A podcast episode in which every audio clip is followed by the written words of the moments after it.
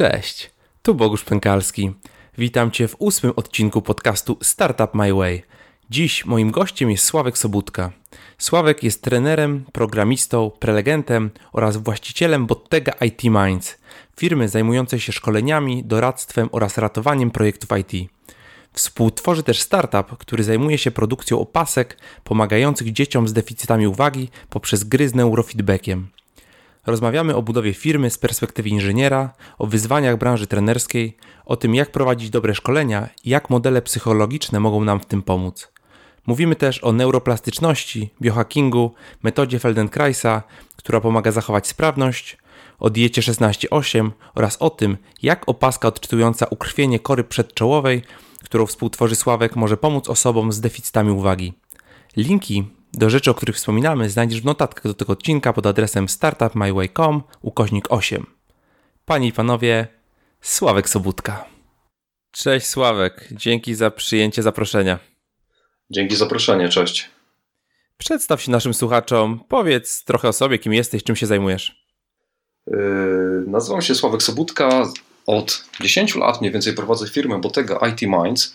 Yy, jako firma zajmujemy się szkoleniami, doradztwem, yy, trudnymi projektami ratunkowymi, takie nazywamy wewnętrznie. Yy, to o tyle może by nie, nie zanudzać o sobie. E, okej, okay. a powiedz troszeczkę, jaki był Twój background E, kiedy się zacząłeś interesować w ogóle komputerami? E, jak to wyglądało? O, nie chciałbym was zanudzać, ale historia jest raczej klasyczna, czyli tak, y, wychowałem się jeszcze w komunie, tak więc jak się pojawiły pierwsze, pierwsze gry i tak dalej, to, to było coś niesamowitego. Wyobraźcie sobie, że z tej szarej rzeczywistości wchodzicie nagle w Robbo i tak, i tak dalej, później pecety, Mortal Kombat, Doom i tak dalej, więc gierki to było coś, co jako nastolatka mnie interesowało i nie za bardzo sobie wyobrażałem y, swoją dalszą drogę w życiu y, inaczej niż związaną z, z tak zwaną informatyką wtedy, więc jakieś tam liceum o profilu informatycznym, później studia informatyka na UMCS-ie i, i tam duże takie rozczarowanie, bo to, y, a miało być tak pięknie, jak, jak mawia klasyk, więc gdzieś y, na trzecim roku sam zacząłem się uczyć Java, bo wtedy nie, nie było tego na studiach dawno temu. E, zacząłem pracować już, już w firmie informatycznej po trzecim roku studiów, żeby szybciej robić coś ciekawego. E, następnie, cóż, miałem bardzo ciekawą, e, właściwie szczęście, także trafiłem do działu badawczo-rozwojowego w jednej z firm, gdzie mieliśmy dużo czasu na to, aby się bawić Czyli nie było na, na początek takiej presji na produkt, tylko na to, żeby się rozwijać. Wtedy w ciągu roku bardzo dużo się uczyłem. No i ścieżka, by, by, byłem programistą, liderem technicznym, architektem, liderem zespołu yy, i w pewnym momencie zacząłem zajmować się szkoleniami, dlatego że na przykład w jednej z firm, gdzie pracowałem, do moich obowiązków należało szkolenie ludzi, którzy na przykład przyjeżdżali z Niemiec do nas, bo kupiła nas niemiecka firma wówczas, żeby, żeby jakby wyrównywać poziom. Myśmy wyrównywali yy, ich poziom. E, następnie w kilku firmach szkoleniowych pracowałem jako, jako trener i nagle uznałem sobie, że czas zrobić to samemu lepiej. E, czyli cały znowu ten wątek buntu. Cały czas chciałem coś, coś sam robić inaczej.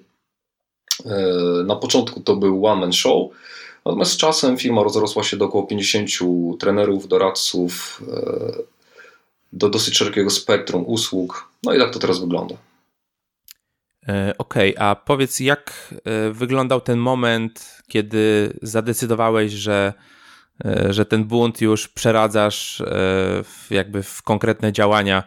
Czy wtedy jakby stałeś taką jednoosobową firmą, gdzie ty byłeś jedynym jakby pracownikiem, trenerem, czy od razu już rekrutowałeś ludzi? Na początku tak, pierwszy rok byłem sam, ponieważ uczyłem się tego, sprawdzałem w ogóle, czy to działa, co, co działa, co nie działa. Y, więc tak, tak to na początku wyglądało. Y, na początku ciężko nazwać to firmą, to jest tak naprawdę samo zatrudnienie. Tak? Y, to, co było dla mnie wtedy bardzo atrakcyjne, to zmiana stylu życia. I, i to mi się bardzo podobało, tym byłem zachwyśnięty. Natomiast później pojawił się, jakby, jak już to zaczęło być, że tak powiem, mm, żmudne, w sensie, że już to dobrze wychodziło, to pojawiło się miejsce w głowie na to, żeby rozbudowywać całość. Mhm, mhm.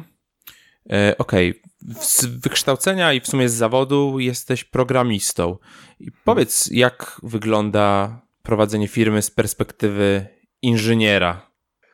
Żebym jeszcze był inżynierem, jestem jedynie magistrem. Natomiast myślę tak o sobie jako inżynierze, więc właśnie mm, tak się zastanawiałem, o czym, o czym w trakcie naszej rozmowy powiedzieć, bo zakładam, że profil słuchaczy to, to są rodzaj przedsiębiorców, startupowców, tak? Więc nie, no nie mogę Wam zbyt dużo powiedzieć na ten temat, ponieważ ja działam w zupełnie inny sposób. Po inżyniersku, jak, jak ja to samo sobie się nazywam, czyli po prostu robimy dobrze swoje rzeczy i tak się składa, że ludzie to doceniają. Czasem zdarzy się jakiś wypadek, czasem się zdarzy, ale generalnie robimy to dobrze i, i na tym to wszystko polega. Czyli jeżeli ja osobiście teraz rozwijam sobie swoje kompetencje, czytam sobie o kompetencjach menedżerskich yy, i, kompetencjach jakby projektowania struktury biznesu, to widzę, że, że nie, że to jest jedna z dróg, natomiast ja to prowadzę zupełnie inaczej i też jakoś działa, czyli to jest przykład, że można. Więc, więc od strony takiej yy, czysto przedsiębiorczej, yy, jak to powiedzieć, można bez tego. Chociaż hmm. pewnie można i lepiej, można inaczej, nie wiem. Ale, ale ja staram się skupiać na tym, robić to, co mnie interesuje osobiście, a przy okazji, przy okazji klienci to doceniają po prostu. E, Okej, okay. a powiedz, jak, e, jakie były etapy w ogóle budowy, budowy e, bottegi? No bo zaczynałeś od tego, byłeś sam, mhm. sam e, trenerem, potem mhm. przyszedł czas na pierwszych pracowników, tak? Jak zrekrutowałeś w ogóle pierwszych, pierwszych trenerów? To, co jest ważne, to my nie rekrutujemy absolutnie y, to jest też ważne wizerunkowo, tak? no bo jeżeli pracujemy z bardzo wieloma firmami IT, no to też y, chcemy być postrzegani neutralnie, czyli jako ktoś, kto nie, jakby nie, przy okazji będąc w organizacji nie, że tak powiem, kolokwialnie nie wyciąga ludzi, więc to jest bardzo ważne wizerunkowo dla nas, więc y, nie rekrutujemy. Ludzie sami do nas przychodzą i wtedy na początku Wielu moich znajomych, z którymi gdzieś tam pracowałem, nasze ścieżki kariery się przecięły, patrzyły, patrzyli na to, co, co robią i chcieli dołączyć, jako jakby, nazwijmy to, naturalny etap w ich karierze, czyli e, ci ludzie, o których mówię, mieli status eksperta w swojej, swojej działce i dochodzą do takiego momentu w życiu, że są różne motywacje, ale generalnie można je podzielić na kilka, kilka klas motywacji. Na przykład ktoś zebrał bardzo dużo wiedzy w sobie i nie chciał, żeby, żeby się zmarnowała, żeby coś po sobie zostawić, że tak powiem. Inni są motywowani przez frustrację, czyli y, w tym sensie oglądają kursy, prezentacje, widzą jak ktoś źle tłumaczy, niepoprawnie pewne tezy merytoryczne, czy jakby nieumiejętnie y, dydaktycznie i chcieliby zrobić lepiej. Więc, więc pojawia się w nich taki rodzaj, ja to, ja, ja, to, muszę, ja to muszę zrobić lepiej. I tego typu ludzie jakby y, zaczynają myśleć o tym, żeby robić szkolenia, doradztwo. I tego typu ludzie y, mają różne modele. Jedni sobie pracują na etacie i, i dodatkowa ich aktywność to są szkolenia. Inni są freelancerami, sami swoim czasem zarządzają. Jeszcze inni y, przechodzą tylko na tego typu działalność. Ważne też, że to jest działalność szkoleniowo-doradcza, czyli to nie jest tylko jakby nauka ludzi, bo w naszej branży bardzo szybko można stracić kontakt jakby z technologią, ale cały czas pracujemy na projektach u klientów, żeby mieć jakby rękę na pulsie cały czas być, być na tym cutting edge, czyli, czyli um, rozwijać się merytorycznie. Więc odpowiadając w skrócie na Twoje pytanie, mój zamysł na początku wydaje się intuicyjny, ale on się później szybko uświadomił, był taki, żeby stworzyć Bottega. Bottega w ogóle nazwa e, z włoskiego to jest taka pracownia, w renesansie nazywano pracownię takich mistrzów renesansowych typu Da Vinci e, i, i inni, którzy skupiali wokół siebie młodych ludzi, którzy jakby bogaci ludzie, jeżeli chcieli dobrze wychować syna czy córkę, to wysyłali ich do takiej pracowni, gdzie wokół tych mistrzów oni się rozwijali. I, I, kiedyś byłem zafascynowany tym podejściem, stąd ta cała nazwa, więc, więc moja wizja była taka, żeby stworzyć Bottega takie miejsce, do którego mogą dołączać ludzie, którzy mają pewien rodzaj y, potrzeby y, zaspokojenia pewnego i intelektualnego, i powiedzmy estetycznego. Miejsce, w którym spotykają się ludzie, którym ja bym chciał się otaczać. O, tak bym to nazwał. Stworzyłem miejsce, do którego oni sami się garną i, my bardzo szybko jakby się wyczuwamy i, i, i, i, jest jakby rodzaj chemii, wibracji, różnie to się metaforycznie nazywa, że jesteśmy w jakiś sposób do siebie podobni, ale jednocześnie też często skrajnie różni w zupełnie innych aspektach. Mhm, czyli to jest taka forma, powiedzmy, takiego kolektywu, tak? Grupy ludzi, które, którzy jakby podzielają jakby wspólne pewnego rodzaju wartości, tak? I jakby wspólnie pracują, yy, mhm. wspomagając się doświadczeniem. Tak, tak. I, I, znowu tutaj wraca ta nadrzędna jakby zasada. Jeżeli ro, robisz coś dobrze, to ktoś to zauważa, ktoś chce, ktoś chce w tym partycypować i tutaj wcale nie trzeba E, robić niesamowitego planu wyrachowanego, jak ściągać ludzi, rekrutować i tak dalej. To my działamy zupełnie na innej filozofii. E, to są głównie szkolenia techniczne. Macie jakieś nietechniczne też szkolenia? E, tak, generalnie pozycjonujemy się jako doradcy, eksperci techniczni na poziomie, nazwijmy to premium, czyli, czyli to nie są szkolenia z Hello Worldów, z prostych jakby wstępu do frameworków, chociaż takie też są, bo też są takie zapotrzebowania, bardziej eksperckie szkolenia, taka wiedza jakby z pola bitwy. Natomiast ostatnie kilka lat poszerzyliśmy ofertę, tak jak pytasz, o, również o szkolenia miękkie, dlatego że branża IT coraz bardziej, bardziej czuje i rozumie, że, że pewne kompetencje są im przydatne po to, żeby lepiej prosperować, lepiej swoją karierą sterować. Więc też się pojawiło kilkanaście tego typu tematów. E, jak również tematy procesowe, e, agile'owe i tak dalej. A powiedz, jak ty z perspektywy osoby technicznej radzisz mhm. sobie z tymi wszystkimi rzeczami e, poza, z tymi wszystkimi rzeczami takimi, jakby, które są wymagane przez prowadzenie firmy. Na mhm. przykład różnego rodzaju marketing, PR, pozyskiwanie klientów, mhm. sprawy finansowe, za, sprawy zatrudnienia. I, jak sobie z tym radzisz? Masz jakąś pomoc? Jak to wygląda? Tak, tak. Yy, działam w taki sposób, że biuro, siedziba taka lokalna zajmuje się formalnościami, czyli właśnie tak jak mówisz, umowy, też rozliczanie i te wszystkie te, tego, typu, tego typu rzeczy. No i są tutaj dwie szkoły. Y, jedna szkoła mówi rób wszystko sam, żeby wiedzieć co się dzieje, druga szkoła mówi yy, miej od tego ludzi, żeby się tym nie zajmować. Próbowałem pierwszej szkoły, bardzo szybko przeszedłem na drugą. Yy, I to zależy, też nie chciałbym mówić, że coś jest lepsze czy gorsze. No po prostu yy, jakby nazwijmy to czas procesora, ilość pamięci RAM w głowie jakby jest skończona, więc musimy bardzo mocno się zastanowić, czym, czym chcemy ją zająć. Yy, także te, te rzeczy formalne to ogarnia biuro, natomiast trenerzy są rozsiani po całej, po całej Polsce. A ty to wszystko spinasz po prostu.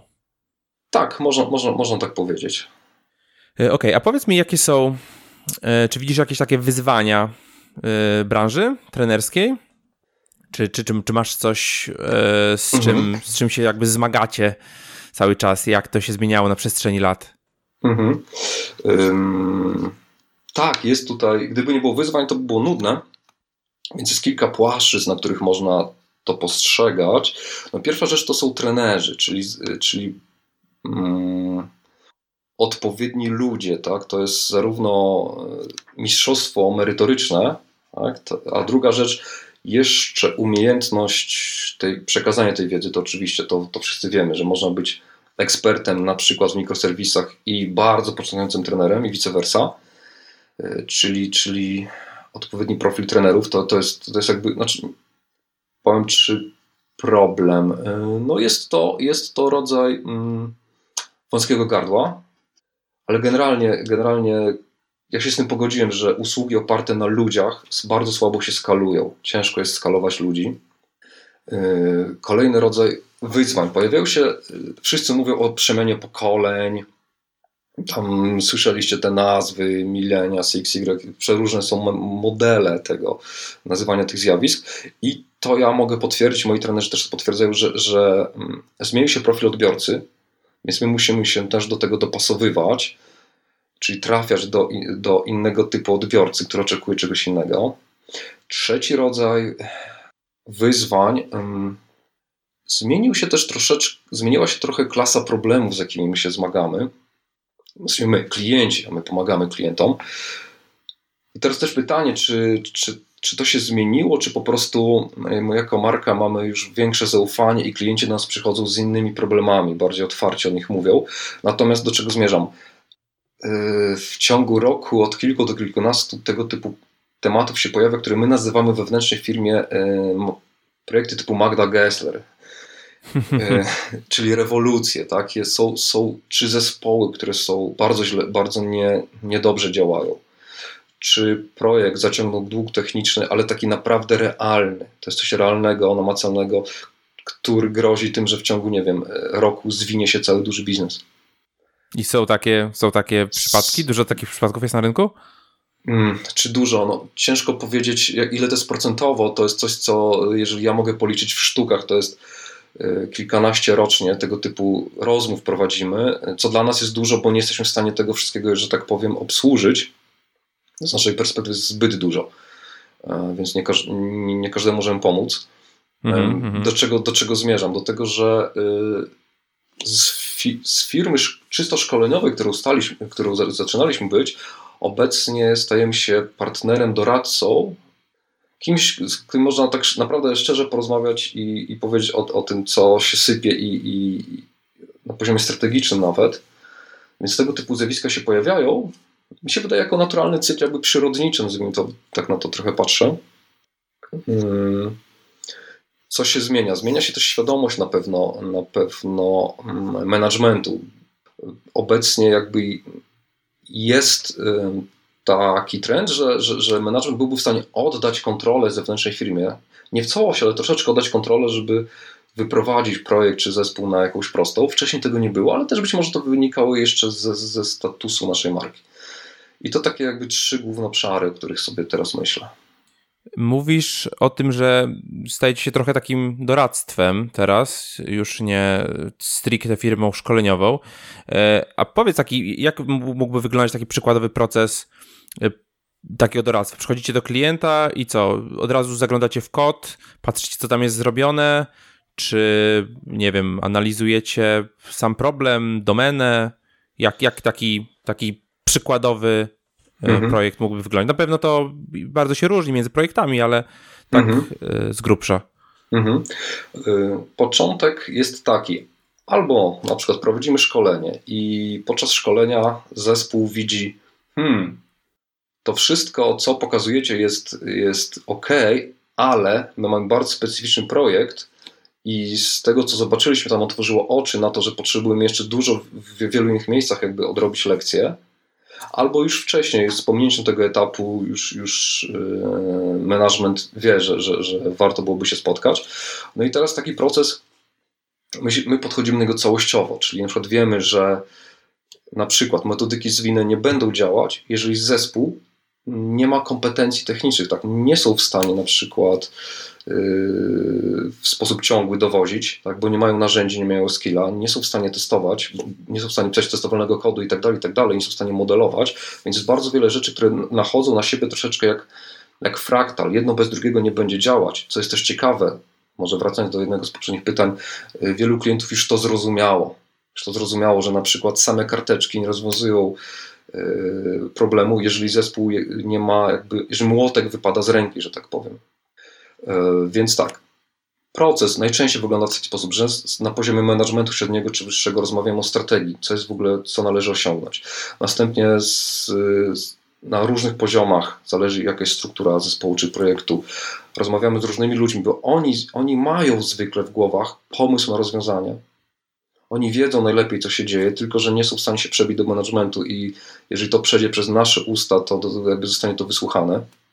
Często są tam już rozwiązania, a czasem my z różnych kontekstów przynosimy różne nasze pomysły.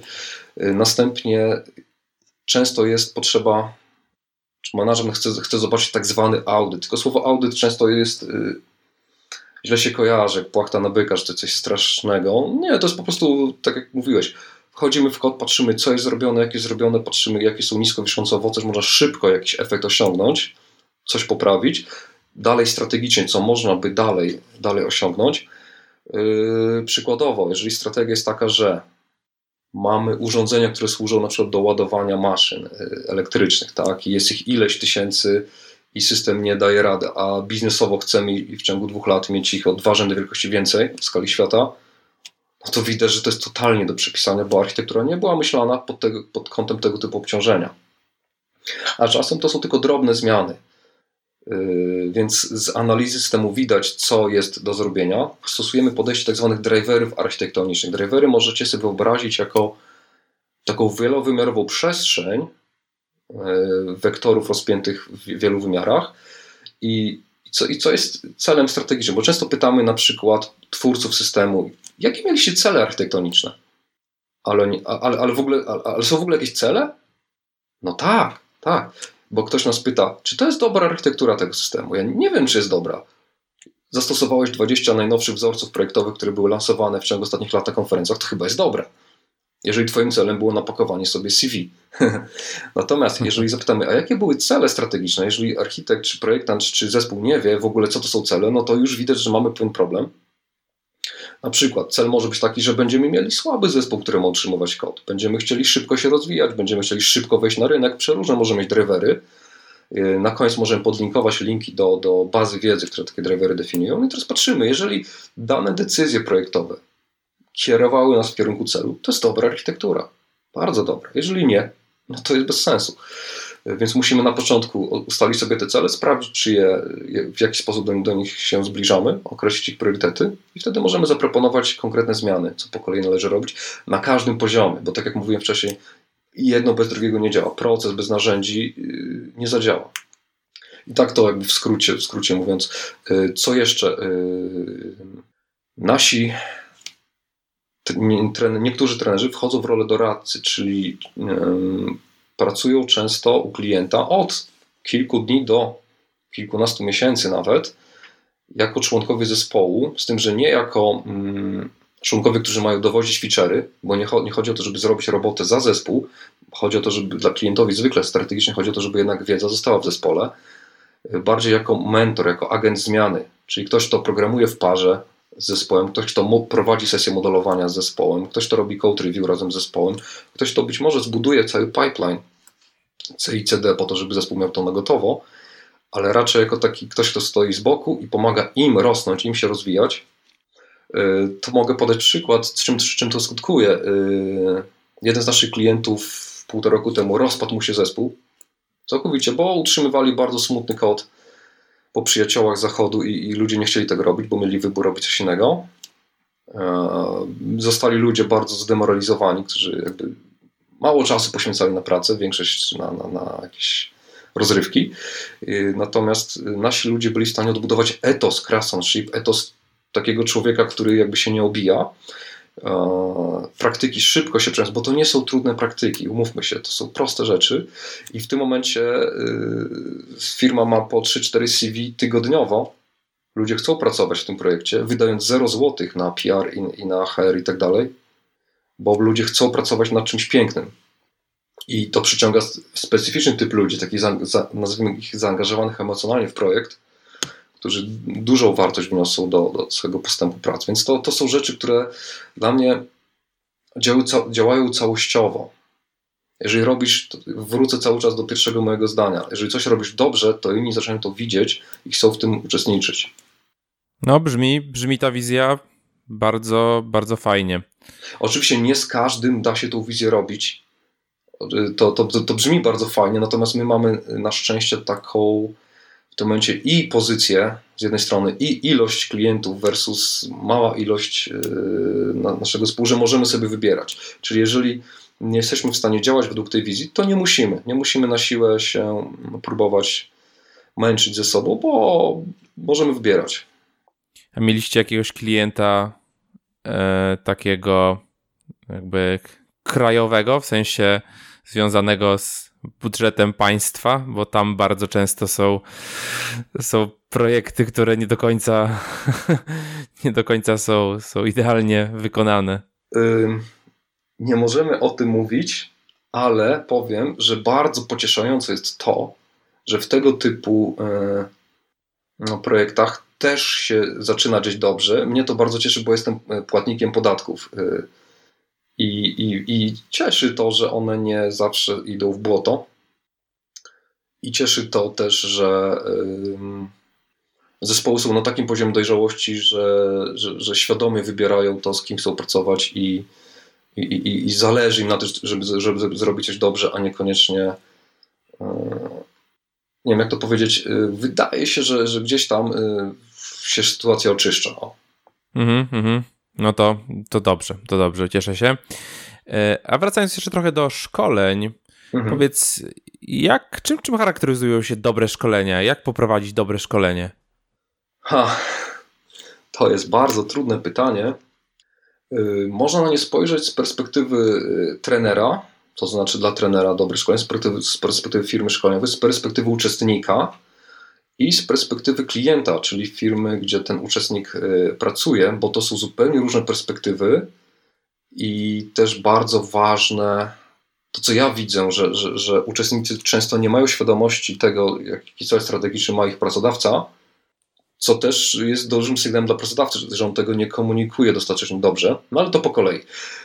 Z punktu widzenia trenera, bo ja sam też y, prowadzę część szkoleń, już mam mało czasu na to, żeby je osobiście prowadzić, ale czasem, czasem to, to robię, więc na takim najprostszym dla mnie osobiście emocjonalnym poziomie czysta radość i zadowolenie. Tak? Jak pracujesz z grupą, gdzie jest tak zwany flow, ciężko jest nazwać y, jakie składowe, jakby mierzalne składy, ale to się po prostu czuje, że jest, jest, jest, jest przyjemna atmosfera. Ale oczywiście ktoś powie, no dobrze, co mi po atmosferze, jeżeli na koniec y, było fajnie i, i wychodzimy i, i nic się nie zmienia. Więc dla dojrzałego trenera y, trener przychodzi z pewną misją, czyli chciałby, chciałby coś zmienić w życiu tych ludzi, bo yy, znowuż jeżeli jest, jesteś wziętym trenerem, a takich w większości mamy, to nie chodzi o to, żeby tylko jeździć, tylko sobie gadać, tylko sobie robić, tak, i odcinać kupony, bo, bo to się staje nudne po prostu, tak, czyli yy, trener, który już jest dojrzały, on, oni zawsze mówią, że chciałby coś zmienić w życiu tych ludzi. I to jeżeli widzisz, że to, co pokazujesz ludziom, i nawet na bieżąco zmieniasz program, w trakcie rozmowy wychodzi, że na przykład zespół nie ma szans zastosować tej tej techniki, którą wcześniej ustaliliśmy przez pomyłkę na przykład, tak, doszliśmy do głębi, zrozumieliśmy coś głębiej, możemy to na bieżąco zmienić, bo biegły trener bez problemu może, że tak powiem, szyć, e, ale w dobrym z tego słowa znaczeniu na, na, na bieżąco zmieniać flow szkolenia. Więc jeżeli widzisz ten, jak się na przykład pojawia błysk w oku ludzi, przyszli zrezygnowani, myśleli, e, u nas się nic nie da zmienić i pokazujesz, że da się i, te, i się zapala ten błysk w oku, który ja uwielbiam. Ogień taki, tak, to jest super. E, Czyli to jest jakby perspektywa e, trenerska. Z, pers z, perspektywy firmy. No, jeszcze z perspektywy trenera na pewno kasa mhm. też się musi jakoś zgadzać w jakimś tam przynajmniej stopniu. Y tak, tak, y bo ja mam ogólnie takie wiesz, podejście, że ja chcę, żeby moi, moi trenerzy y przychodzili z, wiesz, uśmiechnięci, szczęśliwi, więc ja chcę, żeby oni mogli sobie pozwolić na wygodny środek transportu, którym gdzieś tam się poruszają, dobre warunki, gdzie sobie tam śpią poza domem i, i tak dalej, i tak dalej, więc jakby tutaj mm, moje podejście takie, że na tym nie, nie da się oszczędzić, bo to nikt, nikt tutaj nie będzie zadowolony. Szczęśliwy trener to jest zadowolony klient, tak? To działa w tą stronę i na tym nie, nie wolno oszczędzać.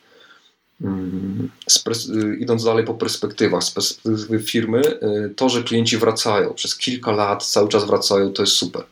Dalej, z perspektywy uczestnika, są bardzo, bardzo różni uczestnicy, są różne profile uczestników. Y, niektórzy na przykład siedzą przez trzy dni i mają bardzo takie marsowe miny, a na koniec są bardzo zadowoleni. Y, są uczestnicy, którzy przyszli z konkretnym problemem, coś ich bardzo boli, w projekcie chcieliby coś zmienić i to, że on uzyska na to odpowiedź. I teraz y, znowuż, no, oni są na różnym poziomie kompetencji. Niektórzy chcą uzyskać um, taki liniowy proces, jak gdzieś do czego dojść, inni chcą uzyskać pewien wgląd, pewne inne zupełnie spojrzenie na swój problem. Eee, zaskakują mnie niektórzy uczestnicy, którzy na przykład po szkoleniu z jakiegoś narzędzia patrzą, wiesz co, fajnie nam pokazałeś, że to narzędzie nie jest dla nas, zaoszczędziliśmy pół roku pracy, inwestując tylko 2-3 dni. To było warte. Z czasem się zdarza coś takiego i to jest takie zaskoczenie. Wow! Czyli jakby oni wyoutsourcowali, y, wyoutsourcowali R&D do ciebie, ale to wtedy, wtedy na bardzo, bardzo eksperckim poziomie rozmawiamy. Są na przykład uczestnicy, którzy mieliśmy parę takich przypadków, którzy nie chcieli pewnej technologii się uczyć, bo uważali, że jakaś inna jest lepsza, bardzo emocjonalnie mieli podejście do narzędzia y, i wtedy my im jesteśmy ich pomocnikiem. Tak? To nie my ich zmuszamy do przejścia, to jest decyzja strategiczna firmy i my jesteśmy towarzyszem w ich karierze, możemy im pomóc, jeżeli będą chcieli skorzystać. E, natomiast w większości przypadków, większość, w większości szkoleń taki uczestnik uzyskuje zupełnie nowy wgląd na to, co robi, z innej perspektywy. Widzi, że pewne problemy znikają, gdy ich się po prostu nie robi, gdy się coś innego na, na bardzo bazowym poziomie zmieni.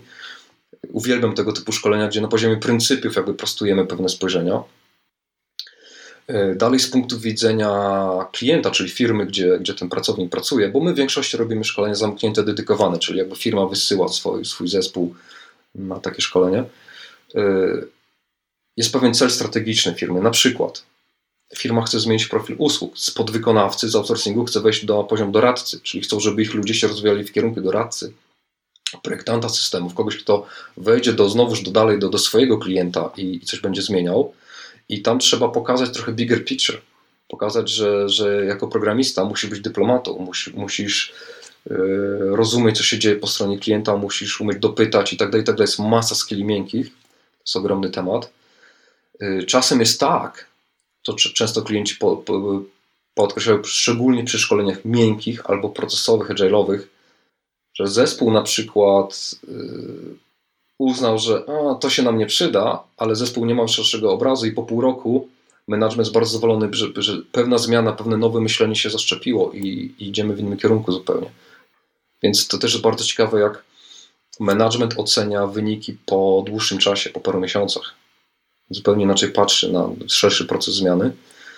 E, I tak dalej, i tak dalej. To z takich naj, naj, najgłówniejszych, najgłówniejszych perspektyw i, i, i celów, żeby was nie, nie zanudzać. To powiedzmy, że Dzięki, dzięki. E, powiedz, e, teraz jakby coraz bardziej popularne są szkolenia online, no bo to się skaluje, tak? Robisz mhm. szkolenie raz, możesz e, może się z tego uczyć tysiąc osób, dziesięć tysięcy osób i tak dalej. E, mhm. Powiedz, jaka jest twoja perspektywa na e, szkolenia offline versus szkolenia online? Mhm. E, my cały czas nie wchodzimy w offline, przepraszam, online. Nie robimy tego, dlatego że nasi klienci oczekują czegoś innego. Bo to, że mamy jakiś rodzaj y, kursu y, online, tam mamy przekaz wiedzy i okej, okay, bo wiedzę można przekazywać w ten sposób. Z jakiegoś powodu tylko część ludzi w ten sposób się uczy. To jest bardzo ważne, tylko część ludzi w ten sposób się uczy ale w ten sposób nie możesz przekazać pewnych dodatkowych rzeczy miękkich, czyli pewnego etosu, pewnej postawy, kontaktu z ekspertem. No bo nie oszukujmy się, te online nowe rzeczy raczej nie są na poziomie eksperckim, zwykle to są takie bardzo podstawowe rzeczy. Tam nie masz miejsca na doradztwo, na zagłębienie się w problem klienta, czyli wyjście z przykładu szkoleniowego i zagłębienie się w ich kontekst i tak dalej, i tak dalej, i tak dalej. Yy, nie ma całego, całego tego, tego wymiaru doradztwa, nie ma wymiaru reagowania na dynamikę grupy bo to jest grupa. E, czasem wchodzisz do grupy i w grupie jest konflikt. E, I ty z zewnątrz możesz rozbroić ten konflikt, jeżeli wiesz, jak to zrobić. Jest masa aspektów, e, jakby nie lubię tego słowa wartości dodanej, a to jest po prostu inna wartość. Ona nie jest dodana, ona jest z góry zaplanowana. Mm. Tak więc tak to podsumuję. Natomiast jeżeli się spojrzy jeszcze na te online'owe kursy, na, na liczby, na liczby, to czy, tego, czy, czy, czy, czy, czy tak duży jest to rynek w skali świata? Tak, na pewno. Natomiast czy w skali, w skali Polski wydaje się, że nie. To nie są jeszcze super atrakcyjne liczby, jak mi się wydaje. I hmm. czy będą? No zależy czym jest ten, nazwijmy to, produkt szkoleniowy. Jeżeli on jest tylko szybkim wejściem w jakieś tam narzędzie, to ok. Natomiast jeżeli mamy mamy mm, du dużą część naszych szkoleń na przykład prze przeformatowaliśmy na tak zwany warsztat ekspercki, gdzie z ekspertem pochylasz się na swo nad swoim własnym problemem projektowym i, i no tutaj jest to zupełnie inna forma. No tak, na pewno można też zrobić taki miks, mhm. tak, że mamy szkolenie online, gdzie w jakichś wyższych pakietach masz e, już takie szyte na miarę rozwiązanie. W sensie masz dalej to szkolenie online, plus masz na przykład doradztwo kilka godzin w tygodniu przez na przykład cały kurs, tak? Mhm. I myślę, że to może być jakimś tam rozwiązaniem tego, że i skalujemy troszkę i tym, co tym osobom, które jest potrzebne, mm, coś bardziej mm, pod nich, no to, no to mamy takie mhm. rozwiązanie. Wiesz co powiem, nie chciałbym zabrzmieć ezoterycznie, ale na, na takim szkoleniu z żywym człowiekiem zachodzi jakiś rodzaj magii. E, tak naprawdę chodzi o to, żeby złamać pewien schemat, bo jeżeli na przykład pracujesz sobie 8 godzin i sobie wyskakujesz tam na 2-3 godzinki, żeby sobie tam obejrzeć jakiś kawałek wideo, czegoś się nauczyć, to tak naprawdę jesteś e, jakby nasz, nasz umysł tak bardzo, bardzo upraszczając sobie działa w trybie learning, uczę się, czy jestem gotowy na błędy, popełniam błędów, eksperymentowanie i w trybie performing, czyli robię coś, żeby dowieść cel. Tak?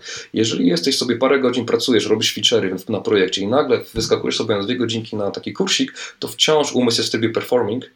Tak i szybko jak sobie tam te, te kursy są zbudowane w taki sposób zaliczania, odhaczania i tak dalej. Mm, I wtedy oczywiście jakiś taki prosty skill można sobie wgrać do głowy, natomiast głębszego zrozumienia nie będzie. I teraz jeżeli na przykład cały zespół jakby zatrzymuje pracę i na trzy dni wchodzi w zupełnie inny stan mentalny, w stan learning, gdzie teraz trener, rolą trenera jest to, żeby wprowadzić zespół w ten, ten stan, pokazać swoją postawą, że można robić błędy, zatrzymujemy się, zwalniamy, wracamy do jakichś podstaw, to jest tak, tak samo jak uczysz się grać na jakimś instrumencie, czy uczysz się jakiejś sztuki walki. Na początku powoli, powoli, małe ruchy, drobne ruchy, tak, po to, żeby później robić szybko. To jest zupełnie inny stan mentalny i w niego możesz wejść tylko wtedy, gdy się wyrwiesz z tej rutyny codziennej projektowej. Więc po to jest ta, ta sala szkoleniowa, po to jest ta, ta, ta, cała, ta cała ceremonia, że tak powiem, e, żeby przestawić się troszkę w inny tryb działania. Jest masa, masa rzeczy, których nie chciałbym was tutaj zanudzać, bo to jest to rzemiosło trenerskie. E, jakby jeżeli ktoś jakby w tym, w tym, w tym nie siedzi głęboko, to nie jest może mocno potrzebne, ale to, to jest jakby coś zupełnie innego, inny, inny, inny rodzaj, inny rodzaj jakby, na poziomie, nawet jak sobie byśmy zrobili skany mózgu, tak, to, to widzielibyśmy, że inne partie są zaangażowane i zupełnie inaczej się uczymy w tym. E, wiem, że testujesz różne modele psychologiczne, e, które mają zastosowanie w szkoleniach. Możesz mhm. troszeczkę o tym opowiedzieć? A, to jest w ogóle mój konik. To jest mój konik może za, za, zacznę, skąd to się w ogóle wzięło, bo żeby, żebyście widzieli taki szerszy obraz. Pamiętam jak dziś po maturze przypadkiem w moje ręce wpadła książka Lot nad kukułczym gniazdem. E, moja mama po prostu dostała ją na imieniny, położyła gdzieś na półce, a ja sobie zacząłem czytać, bo to pewnie pamiętacie, w szkole średniej czytaliśmy jakieś takie smutne rzeczy, lub ich skrócone formy. A tutaj nagle było coś, co nie musiałem, mogłem z własnej woli to przeczytać i to mnie bardzo intrygowało, bo w tej książce były opisane zupełnie różne sposoby, w, jacy, w jaki bohaterowie, nie chcę zdradzać fabuły, myśleli. To był dla mnie naprawdę taki kop z półobrotu w głowie. Wow, że ludzie mogą myśleć w tak różny sposób, skrajnie różny od siebie. Wszyscy chcą dobrze zrobić, wszyscy mają jakby ten sam cel, ale zupełnie inaczej nie myślą. I to był dla mnie taki, yy, yy, taki bodziec do zastanowienia się, kurczę, skoro tak jest, to to jest chyba coś ważnego i to ma chyba wpływ na wszystko. Taką miałem intuicję wtedy i zacząłem sobie, y, sobie wtedy czytać przeróżne, przeróżne książki z zakresu psychologii, ale takiej, y, nazwijmy to, y, twardej, takiej, takiej powiedzmy naukowej. A że zawsze interesowało mnie modelowanie, tak, programowanie, tak, czy, czy rozkręcanie jakichś rzeczy, patrzenie jak to działa, więc to się gdzieś tam połączyło na taki, takim stylu myślenia. I co mi to dało? To mi dało pewien rodzaj Mm, nazwijmy to dystans, tak? Czyli jeżeli wcześniej, jako taki młody chłopak, jak ktoś podstępował inaczej niż ja, no to mi się wydawało, że jest jakiś nierozsądny, mówiąc delikatnie, a, a dzięki tym modelom byłem w stanie zrozumieć, że nie, nie, on po prostu ma trochę inne wyobrażenie świata w swojej głowie zbudowane i okazuje się, że nauka bardzo dobrze to kataloguje, modeluje i tak dalej. Pamiętając oczywiście, że model to jest tylko uproszczenie, tak? Bierzemy 80 miliardów neuronów, plus całą masę innych rzeczy, które mają wpływ na to, jak myślimy i, i, i zrobimy sobie z tego tabeleczkę, trójkącik i te modele są tam różnie wizualizowane. Więc co mi daje znajomość takich modeli? Yy, przykładowo, wiem jak ludzie mogą się uczyć skrajnie różnie. Ludzie mają różne strategie kognitywne, różne będą podchodzić do, yy, do problemu, do nowej wiedzy, więc ja jako trener yy, muszę, że tak powiem, wić się jak wąż i próbować od różnej strony podać coś każdemu, czyli takie szkolenie może, możecie wyobrazić taki bufet szwedzki, gdzie gdzie są różne sposoby przekazania wiedzy, żeby trafiły do jak najszerszego grona odbiorców, żeby każdy coś dla siebie znalazł. Ja jako mentor dla swoich trenerów też muszę ich tego uczyć, żeby mieli tego świadomość, ale też ucząc ich, wiem, że oni różnie się uczą. E, będąc na sali szkoleniowej, wiem, że widzę, kiedy jest konflikt między uczestnikami i mam, mam e, różnego rodzaju tak zwane narzędzia, żeby spróbować to rozmontować. Zupełnie, zupełnie nieefektywnie będzie się go pouczyła, gdzie na przykład dwóch ludzi jest w konflikcie i to się rozlewa na całą salę i większość ludzi tego nie widzi, nie czuje. A, a to są rzeczy, które mają ogromny wpływ. Jak się rozmontuje, jest ogromna zmiana. I tak dalej, i tak dalej. Więc to jest coś, co no tak jak powiedziałem, to jest po prostu narzędzie. To jest narzędzie i wa warto tą skrzynkę z narzędziami sobie poszerzać, bo, bo to jest ważne. Naprawdę to jest dużo ważniejsze niż kolejny framework do JavaScriptu. Dużo więcej dobrego można zrobić. A jak y, możesz podać jakiś taki przykład takich różnych modeli, na przykład jak y, dwie czy trzy różne osoby mają mhm. podejście, mhm. jak, jak je uczyć, jak Mhm. I, I, jak, w ogóle, jak w ogóle sobie to odkryć. Na przykład ja chciałbym sam, sam dla siebie zobaczyć, jakie, w jakim ja modelu działam. Mhm. Um, hmm. Właśnie z autodiagnozą jest duży problem, tak? że mamy masę jakichś tam teścików, gdzie sobie wypełniamy je i, i, i to jest bardzo ciekawe. Ludzie bardzo lubią czegoś się o sobie dowiedzieć, tak? Czyli jak mamy jakiś test i na końcu jakiś opis, profil, to jest, to jest yy, szczęście niesamowite. Yy, przestrzegam przed tym, bo bardzo ciężko jest sobie zrobić autodiagnozę. Natomiast to, co jest warto, to po prostu czytać o tych modelach, żeby widzieć w ogóle, jakie one są, i nagle się okaże, że możesz być różny. Że znając różne modele, możesz ćwiczyć się w przełączaniu się w inne, że, że masz, masz w głowie procesor, który potrafi, w którym możesz metaforycznie różne jakby, yy, strategie sobie przełączać. Natomiast y, wracając do Twojego pytania. Przede wszystkim, jeżeli chcemy się jakoś tam testować, to jest takie zjawisko bardzo ciekawe, że ludzie odpowiadają na różnego typu pytania w scenariuszach, tak jakby sami chcieli się postrzegać lub być postrzegani. Tak, to jest bardzo znane zjawisko, więc to jest mało, niewiele warte, po pierwsze. Po drugie, yy, yy, na przykład, jak sobie radzi z tym firma Google, jest bardzo ciekawa yy, książka Y, doktor y, Dario Nordi, możemy linki do tego wrzucić później. Y, w Google działa w taki sposób: nakładają czepek EEG programistom na głowę, czyli bada, są badane fale mózgowe, aktywność danych partii mózgu. Tam jest taki uproszczony model, który zakłada, że na powierzchni kory nowej macie około 40 procesorów, czyli pewnych jednostek, pewne części mózgu specjalizują się w jakimś konkretnym zadaniu, albo są jednostką ogólnego przeznaczenia, rozwiązują ogólne problemy. I teraz w trakcie pracy programistycznej na przykład jest badana, jest badana aktywność mózgu, czyli nie w trakcie, gdy pan czy pani, która ciebie przepytuje, yy, zadaje ci pytanie, bo to przed nim czy przed nią chcesz się pokazać od jakiejś strony. Nie, nie, nie. To wtedy grasz pewną, wchodzisz w inną rolę. Bo zdrowy człowiek ma w głowie kilka do kilkunastu ról subtożsamości, tak? Przełączamy je bardzo łatwo. Tutaj w trakcie pracy, tak, jest badana aktywność mózgu. Ta aktywność jest później rzutowana te pobudzenia na naszego mózgu. Na pewno modele psychologiczne to się bardzo fajnie potwierdza, więc oni tak rozwiązali ten problem. No ale tylko chyba programista Google da sobie nałożyć czepek na głowę. to, to, to, jest jakby jedna rzecz, pokazuje do, do, do czego jakby, jak są porządnie robione badania. Natomiast wracając, pytałeś o sposoby uczenia się. Więc jest ich kilkanaście takich typowych. To, co my defaultowo stosujemy zawsze. Jest coś takiego jak model rozwoju kompetencji braci Dreyfus. Pięciopoziomowy model, może się o nim poczytać, gdzieś tam też popełnimy artykuły, prezentacje na ten temat. Generalnie chodzi o to, że na pierwszym, drugim poziomie człowiek oczekuje procedury, co po kolei i jak mam zrobić, co zrobić i jak. Na tym poziomie nie potrafimy się sami korygować. Jak masz problem, to powiedz, co mam wpisać w konsolę, co, co mam zrobić, nie potrzebuję filozofii, bigger picture i tak dalej. Tak? Na trzecim poziomie człowiek kompetentny szuka wzorców, praktyk i tak dalej. Na czwartym poziomie człowiek biegły zaprzecza, zaprzecza wzorce, wie, że one ograniczają poszerza sobie, wie, że nic nie wie, no, uczy się od nowa. Na piątym poziomie eksperckim działa intuicja, czyli jakby wiedza przechodzi do tej części mózgu, która nie ma, czyli nie potrafi werbalizować yy, reguł, którymi, którymi się posługuje. To po prostu działa automatycznie. Więc, więc warto o tym wiedzieć. Teraz, jeżeli masz na sali szkoleniowej ludzi na różnym poziomie Dreyfusa w danym temacie, tak, to musisz różnego typu zadania, aktywności dla nich przygotować. Dalej, inny model, cykl Kolba, yy, one nie są sprzeczne, one po prostu inny aspekt modelują. W cyklu Kolba widzimy, że ludzie, niektórzy, jak zbierają informacje, niektórzy chcą na przykładzie, inni na abstrakcyjnych pojęciach. Jak zbierze informacje i je przetwarza w głowie, żeby je wchłonąć głęboko jako umiejętność, mądrość, którą może stosować, niektórzy chcą praktykować, inni wolą, inni wolą się namyślać. Namysł, refleksja.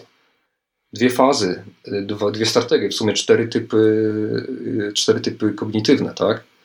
I cyklem Kolba to jest metodyka, która pozwala nam każdy z czterech typów uruchomić na szkoleniu innym typem zadań, niekoniecznie programistycznych.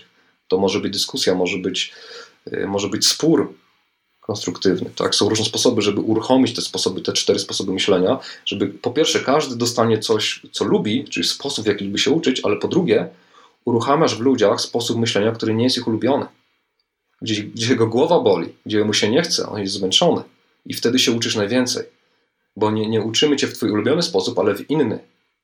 Fizycznie tam w głowie y, po prostu w, w, mm, z hipokampa, to jest taki rogalik, który jakby jest routerem do banków informacji.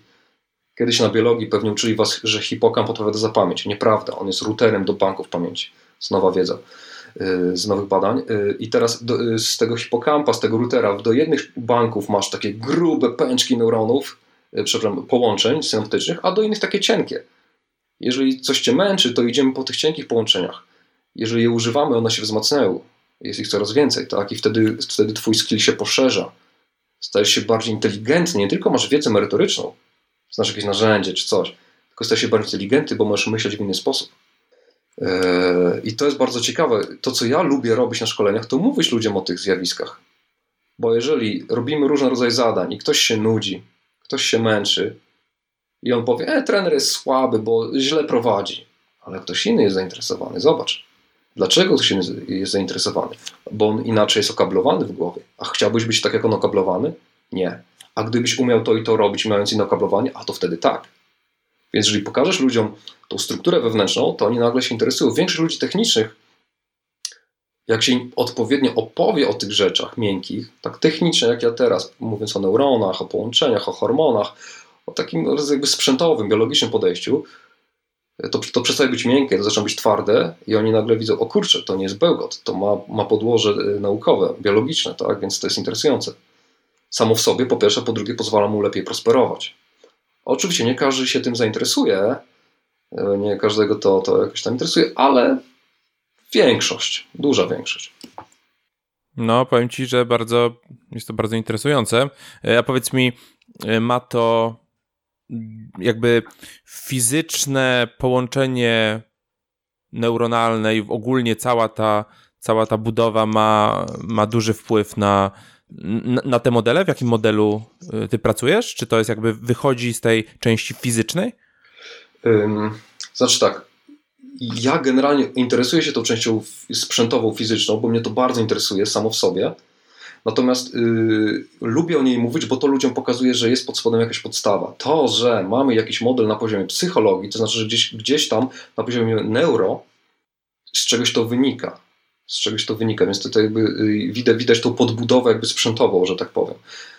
Yy, więc w tym, w tym sensie, bo można zupełnie pominąć podbudowę sprzętową, ona może być pomijalna i tylko, i tylko skupić się na tym psychologicznym mm -hmm, podejściu mm -hmm. i używać tych modeli sobie, Natomiast ja jestem typem człowieka, który interesuje się, jak działa procesor, uczyłem się assemblera, wiem, jak działa cache. Dla czystej przyjemności rozkręcenia, zajrzenia pod spód. I... No właśnie, bo tutaj e, jakby taką dosyć istotną rzeczą jest to, że w procesie uczenia się mhm. E, po iluś tam setkach powiedzmy powtórzeń, tak, gdzie już mhm. się czegoś naprawdę uczymy i przechodzimy na ten poziom powiedzmy już intuicyjności, na przykład, nie wiem, w jeździe samochodem, mhm. nie myślimy już o tym, tak, potem mhm. po prostu siadamy i jedziemy. E, że tutaj ta fizyczna struktura się zmienia, tak? Zmienia tak. się ta, ta cała neuroplastyka, połączy, pojawiają się nowe połączenia między neuronami w innych konfiguracjach. I to jest takie dosyć, dosyć istotne. Wiele osób sobie w ogóle nie zdaje sprawy, że tam takie procesy zachodzą. Tak, tak. To są bardzo ciekawe procesy, które, gdzie ta wiedza jakby przechodzi w inne części mózgu, bo, bo jeżeli spojrzycie sobie na przykład na korę ludzką, kora ma sześć warstw. Yy, tylko, że te warstwy są połączone, górna warstwa jest połączona z dolną. Są, wyobraźcie sobie takie beczki, te beczki, góra beczki jest połączona z dołem beczki, bo one są, tak się fizycznie to tam nazywa, takie, są połączone takie beczki. Więc tych warstw są tak naprawdę tam setki tysięcy. Plus jeszcze jest to pomieszane, jeszcze trochę inaczej połączone, ale to ma strukturę dosyć warstwową. I teraz jeżeli impuls przechodzi przez bardzo dużą ilość warstw, wtedy e, jest powolny, wtedy wolniej coś się dzieje, zużywa więcej energii, e, wtedy też jest bardziej świadome, tak? bo te górne warstwy są podpięte do kory przeczołowej, która jest ten nasz lewa kora przeczołowa, tam jest nasz narrator, ten, który opowiada post factum. To nie są nasze myśli, to są nasze stare myśli, ten nasz tak zwany głos wewnętrzny. To jest bardzo ciekawe, jak sobie to świadomimy, że to nie są nasze myśli, to są stare myśli. Yy, takie nagłówki z gazet tam trafiają do tego naszego narratora, który sobie mówi: O, ja teraz wymyśliłem, że sobie zrobię to. Nieprawda, to było wymyślone już kilka sekund wcześniej, nawet tylko się dobiło dopiero do narratora. Yy, są na to bardzo, bardzo twarde badania, które to pokazują.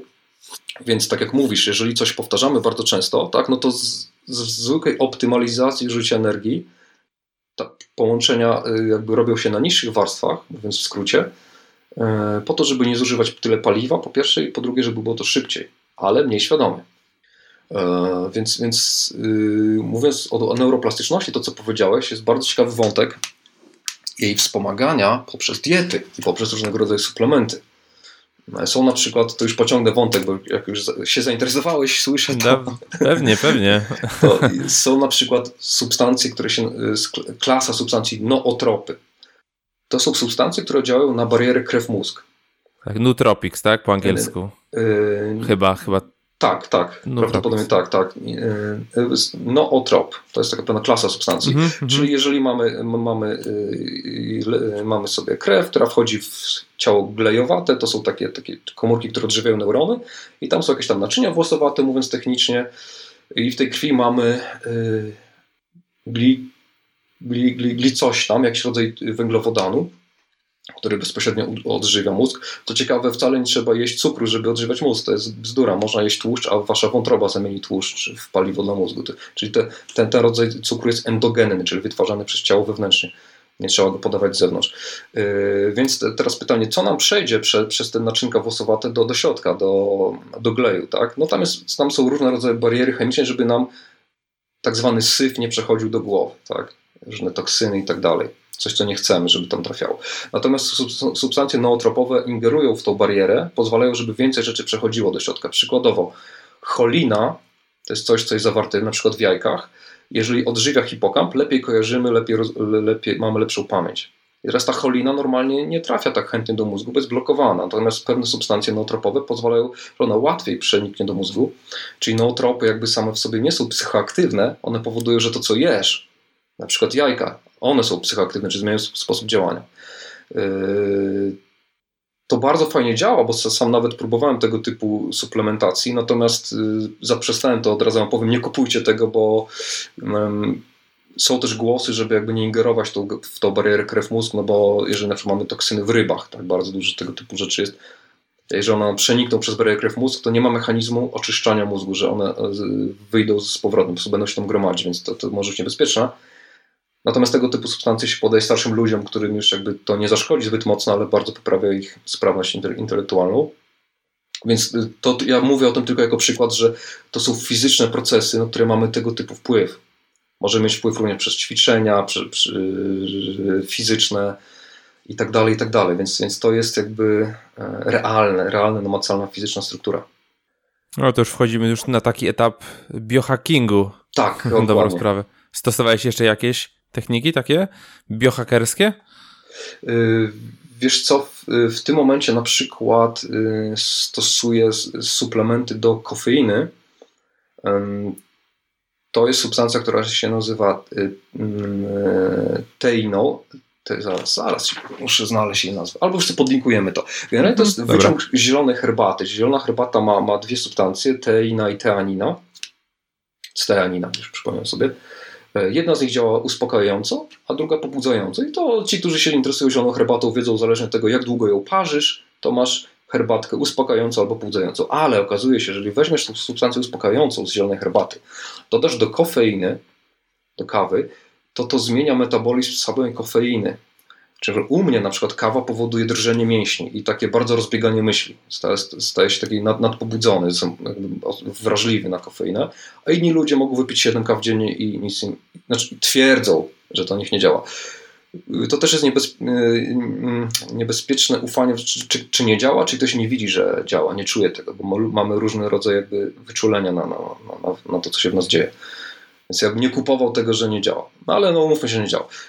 U, u mnie na przykład zbyt mocno działa, więc dosypanie do kofeiny tej, tej, tego wyciągu zielonej herbaty zmienia sam metabolizm kofeiny, czy to znowu nie jest psychoaktywna substancja. I u mnie w taki sposób, że na przykład przez około godzinę utrzymuję się stan, gdzie ja mogę więcej rzeczy naraz utrzymać w pamięci roboczej i głębiej, głębsze mogą być to jakby części pamięci, lepiej między nimi mogę to pokojarzyć po godzinie bez, bez jakby jakichś sensacji ten stan znika. A w jakiej formie to, to, to bierzesz, tą to jest, To jest, taki, to jest taki biały proszek, który można kupić na portalu aukcyjnym. U dobrego dealera. Y, na dużym portalu polskim aukcyjnym od popularnych firm suplementacyjnych. To są rzeczy normalnie dostępne bezproblemowo w obrocie. I, i, i też starsi ludzie biorą to na uspokojenie sam, sam, sam, samą ten wyciąg żadnych herbaty. Natomiast mówię, w połączeniu z kofeiną zmienia jej działanie. Ja proponuję na przykład niektórych, jak sobie jesteśmy na kawce, gdzieś tam sobie rozmawiamy o jakichś strategicznych pomysłach, no to często proponuję gościom, a spróbujcie sobie tego proszku. Niek większość się decyduje i większość czuje różnicę, niektórzy w ogóle nie czują tej różnicy. I znowu, jej nie ma, e, albo jej nie czujemy. Ostatnio, jeszcze kończąc wątek, miałem ciekawą rozmowę z człowiekiem, który ma tutaj u nas w mieście kilka restauracji i, i też catering dla firm. I oni na przykład opierają, e, mają też usługi doradcze, badają pewne markery w DNA, po których poznają w jaki sposób na przykład działa na ciebie kofeina, ile kaw powinieneś pić, czy nie, w ogóle nie powinieneś pić, jakich. Badają też, no, czy, czy dane witaminy się wchłaniają normalnie, czy powinny się suplementować w specjalny sposób, więc jest ta, ta, ta wiedza gdzieś tam się buduje. Bardzo ciekawe jest jej połączenie z machine learningiem, gdzie na przykład pewnej wiedzy nie ma, ale, z, ale szukając atraktorów jakby w danych statystycznych widać, że ludzie z pewnym, z pewnym z pewną pulą genów wystawieni na pewny rodzaj działań y, jakby ich fenotyp działa, fenotyp, czyli, czyli jakby ciało działa w, tak, czy w taki czy inny sposób.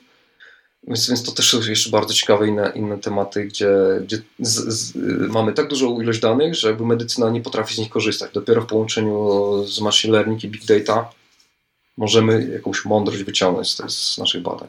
Ale to już osobny wątek, może nie brnijmy. Yy, jasne. A jeszcze wracając do tych neotropów, hmm. yy, no bo jakby one są nazywane takimi smart drugs, nie? Hmm. E, I tutaj mamy jakieś e, pochodne LSD, pochodne amfetaminy, czyli już w sumie takie dosyć ciężkie działa. Tak? E, A to ja nie, ja to ja takie, takie tylko, tylko wyciąg, wyciąg zielonej herbaty. Aczkolwiek, y, aczkolwiek czytam niedawno artykuł y, z Doliny Krzemowej, rozwija się bardzo mocno firma, która daje tak zwane mikrodozy substancji, o których mhm, powiedziałeś. Mm -hmm, mm -hmm. Tak, tak i, i, ludzie pracują w ten sposób na bieżąco. Nie wiem, jakie to ma dłuższe skutki, ale wiecie, patrząc tak systemowo na, w skali planety, tak, część ludzi, część ludzi mówi, żeby uważać, ale z mojej, z mojej perspektywy, jeżeli ktoś poświęca się dla cywilizacji, nawet jeżeli szkodzi sobie, sobie i jakby jego życie skończy się wcześniej niż to ze statystyki wynika, ale przy okazji zrobi coś fajnego i nie będzie to aluminiowa budowa do laptopa, tylko coś, co popchnie nasz świat do przodu, to powinniśmy mu być wdzięczni. Po prostu. Tak, I tak. nie komentować tego. On ma jakąś swoją misję w życiu i, i fajnie, że ma i, i skorzystamy na tym wszyscy. Tak, tak. E, dobra. To tak płynnie, płynnie przechodząc, wiem, że zajmu, zajmujecie się teraz e, dodatkowo e, pewnego rodzaju projektem fizycznym. Jest mhm. to opaska, tak? Mhm. E, nie znam jeszcze konkretów, mam nadzieję, że mi powiesz, e, co wy tam konkretnie robicie, jak, w mhm. jakiej fazie jest ten projekt, jak to wygląda? Aha, odpaliśmy e, startup, bo wszyscy odpalają, więc my też musimy. Wy jako Bottega? Czy... Tak, Bottega, ale w połączeniu z, jeszcze z zewnętrznymi ludźmi, którzy są spoza naszej firmy. Mm, to jest powiedzmy grupa znajomych. O co chodzi? Mianowicie jest jest sobie cały, cała działka e, tematów z badaniem aktywności mózgu. Powiedziałem tutaj o Google i o EEG, czyli badanie fal mózgowych.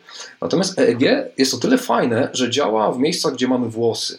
Nie jest pole elektromagnetyczne jakby spokojnie sobie tutaj przechodzi. Natomiast w okolicach czoła fale, fale elektromagnetyczne są zaburzane nawet przez y, głupi ruch gałek ocznych. Mamy totalnie zafałszowane odczyty z czoła. Natomiast w czole, w korze przedczołowej mieszkają te wyższe funkcje ludzi, e, typu skupienie, uważność i tak dalej. Więc, więc EEG nie za bardzo tutaj działa. A chcielibyśmy na przykład pomóc dzieciom z deficytami uwagi, które nie potrafią skupić się na czymś. Więc jest technologia NIRS, czyli tak zwanej bliskiej podczerwieni, czy oparta na, na, na świetle. E, i ta podczerwień, odpowiedniej długości fale są w stanie przeniknąć przez czaszkę, odbić się od y, naczyń krwionośnych, które mamy tutaj w korze przedczołowej i wraca do detektora ta fala. I teraz na podstawie długości fali odbitej wiemy, czy, dan, czy dana w danym części, danej części krew była natleniona, czy nie natleniona. Czyli, czyli, czyli badamy sobie tutaj y, saturację i z anatomii wiemy, w danej części czoła, pod, pod czaszką, jest obszar odpowiedzialny na przykład za skupienie. Tak więc nakładamy sobie tą opaskę na głowę i wiemy, czy w danym momencie jesteś skoncentrowany, czy zrelaksowany, czy masz jeszcze różnego innego typu jakby tryby działania, że tak powiem, w jakich sobie może być człowiek. E, ta technologia NIRS ma już kilka ładnych lat, natomiast jest bardzo droga. Takie urządzenia kosztują po kilkadziesiąt do kilkuset tysięcy dolarów. Mają zastosowanie medyczne, w sporcie na przykład mierzy się natlenienie mięśni, jak się trenuje konkretny mięsień i tak dalej, i tak dalej. Natomiast my chcemy to zrobić dla konsumentów. Czyli jeżeli y, rodzice mają, mają problem z deficytem uwagi u dzieci, a w USA to jest 11% dzieciaków ma tego typu diagnozę na ADD, nie ADHD, bo jak się okazało to jest ściema, ogólne deficyty uwagi, ADD, e, to tak, ci rodzice muszą jechać sobie, wiesz, do jakiejś poradni, zakładać ten czepek pół godziny, bo to trzeba go przylepić dobrze, bo jak się go nie przylepi, to, to słaby są odczyty. Też uważajcie na EEG, takie kupione gdzieś tam z Amazonu, gdzie jakieś takie opaski plastikowe, bo że to nie przylega dobrze, to jest nic nie warte. Natomiast ta opaska działa zupełnie inaczej. No i teraz co? Mamy, mamy odczyt z Twojego czoła, wiemy, czy jesteś skupiony, czy nie. Możemy teraz przesłać jako neurofeedback do gry dla dziecka. I teraz na przykład awatar w grze, yy, jakiś ludzik, czy dinozaur, czy coś ma problem. I teraz, jeżeli dziecko się skupi, tylko wtedy ten bohater gry dostaje jakąś umiejętność, widzi lepiej, widzi dalej, widzi coś innego ma więcej siły i może przejść jakiś etap w grze dalej. Tak więc, więc gra będzie zachęcać dziecko do skupienia, a nie tak jak teraz rozpraszać go, pokazywać milionie istotnych dookoła informacji, ikon, y, monet, fruwających, latających. Ja się nie dziwię, że te biedne dzieciaki nie mogą się skupić. Przecież to sama mechanika, warstwa wizualna gry je y, mocno rozkojarza. Więc yy, taka jest idea, tak? czyli odczytywanie yy, jakby ukrwienia kory przyczołowej, czyli stanów wyższych tych ludzkich. Zastosowanie jest, może, może być bardzo dużo innych, ja podam tylko jedno, jakie są inne, to niech to zostanie owiane tajemnicą. Y, jaka jest faza y, projektu? Mamy tak, y, urządzenie jest zlutowane, działa i w tym momencie jesteśmy na etapie szukania odpowiednich geometrycznych ustawień odległości detektora od, od emitera tego światła, pokazuje się, że na przykład bardzo dobrze działa nam na kobietach, które mają generalnie cieńszą czaszkę. U mężczyzn y, to zależy od tego, jaką masz czaszkę. Tam w czaszce są jeszcze wyrostki różne, są jakieś kawałki tętnic, co trzeba bardzo uważać, w co trafiliśmy przypadkiem. Y, więc w tym momencie badamy sobie ustawienie. I jeszcze cała zaawansowana algorytmika odszumiania tych sygnałów, bo też da się jakby odszumić, że trafiliśmy na tętnicę, da się to wyciąć. Ale tutaj mój wspólnik, który akurat zajmował się e, analizą sygnałów z giełdy, bez, nie widzi w tym żadnego problemu, także tylko... Tam urząd... jest większy szum.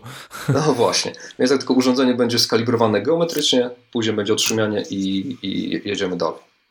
E, to tą paskę się zakłada po prostu na głowę? Czy tak, się przylepia, tak. czy... Tak, to wiesz, to może mieć formę korony dla dziewczynki, żeby miała księ... jakby księ... była księżniczką z magiczną mocą, z diademem. Może mieć maskę Lorda Vadera, że chcemy. Aha, aha. Y, możesz grać Wiedźmina na przykład i jeżeli ty się skupisz, ty jako gracz, to wtedy twój ludzik w grze lepiej macha mieczem. A nie, hmm. że naciśniesz kwadracik i on posiedzi i się skupi. Nie, nie, to ty się musisz skupić. No, ciekawe, ciekawe rozwiązanie. Nie e... wiem, czy grałeś w Maxa Payne'a w taką grę, gdzie był bullet tak, time. Tak, tak, A co tak. by było, gdybyś ty się skupił i ty miał bullet time? A no, co by to... było, gdybyś mm. nakładał jeszcze gogle VR i grał w tenisa? Większość teraz y, treningów sportowych dla amatorów polega na tym, jeżeli robisz coś wolniej, w spowolnionym tempie, szybciej się uczysz. I co by było, gdybyśmy w VR-ze powolutku sobie tą piłeczkę odbijali i tylko i przyspieszali ją wtedy, gdy twoje czółko y, zaświeci się na odpowiedni kolor yy, przez naszą opaskę. W sensie pobudzisz, dokrwisz sobie y, pewien, pewien obszar mózgu, który mówi teraz jest moment innego uczenia, teraz jest moment innego uczenia. Masa zastosowań. A co by było, gdybyś był snajperem i sobie leżał w krzakach i czekał na odpowiedni moment, y, żeby się skupić i tak dalej, i tak dalej, i tak dalej. Dużo różnych zastosowań. No tak, też o tym, o tym wiarze pomyślałem. No to już wiesz, kolejnym, kolejnym etapem jest, e, że się okazuje, że my już żyjemy w takiej symulacji komputerowej z takimi Ach, czopkami. Jak, jak, jak powiedział Elon, najprawdopodobniej tak jest. Tak? Tak, tak. E, no tak, patrząc na to statystycznie, mhm. że może być nie, nieograniczona liczba takich światów wirtualnych, a nasz świat fizyczny jest tylko jeden, to jest bardzo e, mała szansa, że to, to, to jest faktycznie świat, świat prawdziwy. No już to, to takie no to jest temat, temat ciekawy, ale jak na tym pomyślisz, większość ludzi w to wierzy. Większość, na przykład starszych ludzi, uważa, że jest jakiś los, coś nimi steruje. Oni jeszcze nie wiedzą, że oni myślą, że żyją w symulacji, tylko nie znali tej nazwy. Zaraz jak popatrzę sobie na to, jak moja babcia y, myślała, to ona tak myślała. No tak, w sensie, że jakby jest odgórnie to wszystko do, e, do ustalone, czy Więc to, to, nie jest no, to nie jest nowy temat. Oczywiście y, psychologia ma na to inny model, że po prostu są ludzie, którzy mają tak zwane silne poczucie sprawczości i oni w, w, mają przekonanie, że sterują swoim życiem i są ludzie, którzy mają niskie poczucie sprawczości i wtedy jakby oddają sterowanie zewnętrznym jakimś czynnikom yy, i do tego oczywiście dorobią narrację, w jakiejkolwiek kulturze sobie żyją, to ta narracja jest zabarwiona jakąś tam yy, lokalną, lokalnym folklorem, a to jest, to jest no, jeszcze prostsze wyjaśnienie. No tak, tutaj też jest kwestia tej neuroplastyczności, że mhm. człowiek budzi się z mózgiem w takim stanie, że może się dostosować do bycia średniowiecznym rycerzem, a, albo inżynierem, tak, mhm. w XXI wieku, że jest, jesteśmy tutaj bardzo, bardzo e, znaczy tak, może się ukształtować. Nie do końca, nie do końca, bo nawet jeżeli na przykład ten człowiek rodzi się, tak, ale wcześniej był w macicy i, i na przykład jego brat bliźniak e, był podłączony fizycznie rurką, czyli, czyli na przykład tętnica e, lewa półkula mózgu czy prawa by miała jakby mniej krwi, bo ten, pier, bo ten bliźniak, który jakby miał pierwszą rurkę, on większe ciśnienie krwi dostawał, a ty dostawałeś inne ciśnienie, czyli inna część mózgu była dokrwiona w tym momencie, się inaczej rozwinęła. Albo twoja matka przeżywała w trakcie ciąży jakiś stres i hormony stresu, które zalały macicę, wpłynęły zupełnie na, na, na, rozwój, na rozwój płodu. Jest bardzo ciekawy fenomen y, w trakcie II wojny światowej, było bombardowanie Berlina, kobiety w ciężarne, bo one wtedy jakby miały tą misję rodzimy dzieci za Hitlera E, to jest zupełnie off topic. I, i, I, one siedziały w bunkrach pod ziemią i było to bombardowanie. Miały dużo hormonów stresu, prawda, w macicy, będąc w ciąży. E, e, akurat w tym mieście urodzone dzieci tuż po wojnie bardzo dużo jest przypadków, gdzie płeć mózgu i płeć genitaliów się nie zgadza. Dlatego, że, że w trakcie rozwoju płodu jest, działa w ten sposób, że, że genitalia wydzielają pewne hormony, które sobie do, docierają tam do główki i w główce się rozwijają pewne struktury takiej czy takiej płci. Tak, okazuje się, że te hormony stresu zmieniły rozwój mózgu w stronę innej płci niż tej, która wynika z genitaliów. I to jest bardzo, bardzo ciekawe, statystycznie mocno widoczna sytuacja. Więc ta mm, e, filozoficzne rozważanie tabula rasa. Nie? Ja generalnie mm -hmm. nie lubię rozważań filozoficznych, bo one dzieją się w momencie, gdy nie mamy wiedzy merytorycznej, z jakiejś nauki ścisłej, tak? Więc kilkaset lat temu mogliśmy się kłócić, czy tabula, czy nie tabula rasa. Obecnie mamy twarde dane, no więc już filozofia się wycofała z tej dysputy, no bo już to wiadomo. Więc przeszła na inne miejsca, gdzie jeszcze nie mamy wiedzy, ale za x lat wierzę, że wiedza merytoryczna znowuż odsunie tą granicę trochę dalej, dalej, dalej, gdzie już będziemy wiedzieć, nie będziemy się o nic spierać, po prostu to będzie jasno widać z liczb. Właśnie ja mm. lubię tego typu ciekawostki, tak teraz yy, kończąc, bo po co ja o tym mówię? o jakimś Berlinie i tak dalej. Lubię tego typu ciekawostki, bo one są takim gwoździem wbitym jakby w świat realny i pokazują, słuchajcie, to o czym się kłóciliście było bez sensu, bo fakt pokazuje, że jest tak albo jest tak. I, i jak, jakieś ideologiczna, ideologiczny spór jest bez sensu. Poczekajmy na twardą naukę, ona da, da nam odpowiedź.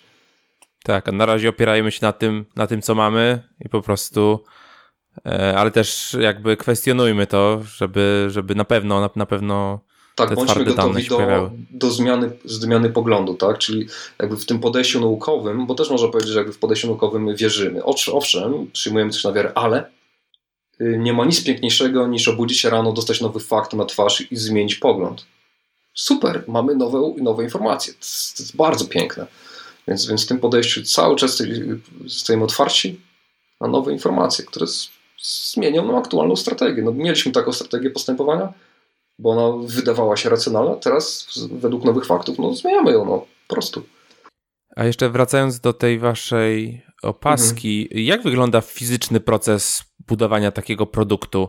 Czy to mieliście jakieś, jakieś studio, które wam to robiło, czy sami to lutowaliście? Yy, sami sami, bo y, sama technologia NIRS y, jest y, znaczy są otwarte dokumenty, które są publikacje, które mówią, jak to zlutować, jak interpretować sygnały, jak dobrać długość fali i tak dalej. Czyli jakby specyfikacja jest otwarta. To, co myśmy ulepszyli, to po prostu koszt wytworzenia. Koszt wytworzenia z, setek tysięcy dolarów do setek złotych. Plus, to jest samo urządzenie, plus cała wiedza z, z domeny neuro, tak? czyli na co, jaką część mózgu obserwować i, i na co patrzeć, jak to interpretować. Później cała domena psycho, czyli jak konstruować scenę gry, żeby miała walory y, uczące y, danej konkretnej umiejętności, którą chcemy uczyć. To też jest dobrze opracowane. Y, na przykład, jeżeli chcesz uczyć dzieciaka skupienia, to wiadomo, że musi być x dystraktorów danej wielkości, danego koloru, poruszających się z jakąś prędkością. To jest zbadane. Teraz czy tym dystraktorem będzie muszka, czy, czy motylek, yy, czy troll, czy cokolwiek innego, to jest wtórne. Ale jakby na takim poziomie symbolicznym jest to, jest to zbadanie. To jest połączenia, kwestia połączenia tych, yy, tych trzech rzeczy ze sobą. E, a jak ten, jakby ta opaska odczytuje te fale, tak? Fale elektromagnetyczne. Znaczy nie, ona, ona, ona y, właśnie działa na zasadzie odbicia promienia, promieni światła od naczyń krwionośnych mózgu Czyli on emituje jakieś światło, tak. i, które wraca odbite i jest analiza tego światła odbitego. Tak, tak. I teraz proces, no, y, jak wygląda? Mamy geniusza e, elektroniki, który lutuje też komputery do samolotów, które przechodzą certyfikację i latają w powietrzu. E, więc jest projekt płytki, on to ulepsza pod względem na przykład y, zużycia energii. Następnie tą płytkę no i mamy projekt, są, są firmy, które drukują takie płytki, diody się zamawia, są specyficzne diody, są dosyć kosztowne, no ale, ale są, są, to, się, to się tam produkuje. E, następnie mm, mamy profil, ten, który do czoła pasuje, no to prototypy są drukowane drukarek 3D, w masowej produkcji to będzie inaczej jakoś robione. Mm, co mamy później? Testujemy to na przykład na takim żelowym modelu głowy. Są takie żele balistyczne, które się używa na przykład do sprawdzania penetracji y, y, kuli wystrzelonej, więc one też jakby mają pewne cechy ludzkiego mięsa, powiedzmy, więc wiadomo, jak to światło tam się zagnie w tym żelu i wróci, można na tym to testować. Ale też na, na własnych głowach jak najbardziej, bo to jest y, to, to, nie, to nie rozgrzewa mózgu. To, to, to jest światło tak, jak, jak emitujesz z pilota do telewizora na przykład. Z tego typu, tej, tego rzędu energia więc y, pomijalna. Mm -hmm. A jak chcecie się finansować w ogóle? Y, wiesz co, mieliśmy, y, byliśmy w jednym projekcie finansowania, tam już wszystko przeszliśmy sobie merytorycznie, ale okazało się, że formalnie jakby nam to nie odpowiada, więc obecnie finansujemy się sami, bo to nie jest duży problem. No tak, prototyp, tak? Prototyp tak, tak, a później to, no jest kilka funduszy zainteresowanych, zobaczymy sobie z kim pójdziemy dalej. Crowdfunding? Kickstarterze, czy to zbyt poważny projekt na takie? Yy, wiesz co, bardziej zależy nam na tak zwanym smart money, czyli nie tylko pieniądze, ale też kontakty, bo, bo zrobić to to jest jedna rzecz, a, druga rzecz sprzedać masowo. Yy, na pewno na pewno. Może nie, niepotrzebnie to mówię, ale raczej nie spodziewamy się, że będzie to leżało w Mediamarkt na półce. E, ale sprzedaż tego masowa wymaga partnera, który wie, jak to się robi, bo my nie mamy pojęcia. E, a wejście też do innych branży też wymaga już, no, no tego się nie robi, tak mi się wydaje, z ulicy. No tak. No wiesz, e, kiedyś ludzie sobie nie wyobrażali, że gogle VR-owe będą w 10 różnych typach leżały w Mediamarkcie. Których nikt nie kupuje. Których nikt nie kupuje. No ja, ja swoje mam. Znaczy tak, powiem tak, ja, tak jak mówiłem, jako tak zwany inżynier y, nie mam pojęcia o tego typu rzeczach, o biznesie, więc y, to jest, to, to jest, y, rozwiązuje to w taki problem, że po prostu znajduję rozwiązanie gdzieś indziej. No. Jasne, jasne. E, Okej, okay, a kiedy planujecie jakąś premierę? Macie już jakiś timeline mniej więcej, czy na razie czekacie aż Wiesz to... co, mocno nam się przeciągnęło, to miało być gotowe już w tamtym roku, e, ale przeciąga się y, sam proces y, produkcji tego w tych fabrykach elektroniki, przesyłania z Chin tych diod, diod, nie wiem nawet jak to się odmienia, więc są takie opóźnienia czysto logistyczne, bo przy tej skali zamówień e, rzędu e, dziesiątek, setek sztuk to, to jakby nie ma to takich priorytetów gdzieś tam. Wydaje się, że po wakacjach powinno być już całość gotowa do testów takich wewnętrznych. Na, na, no tak. Mhm. na grupach studentów psychologii.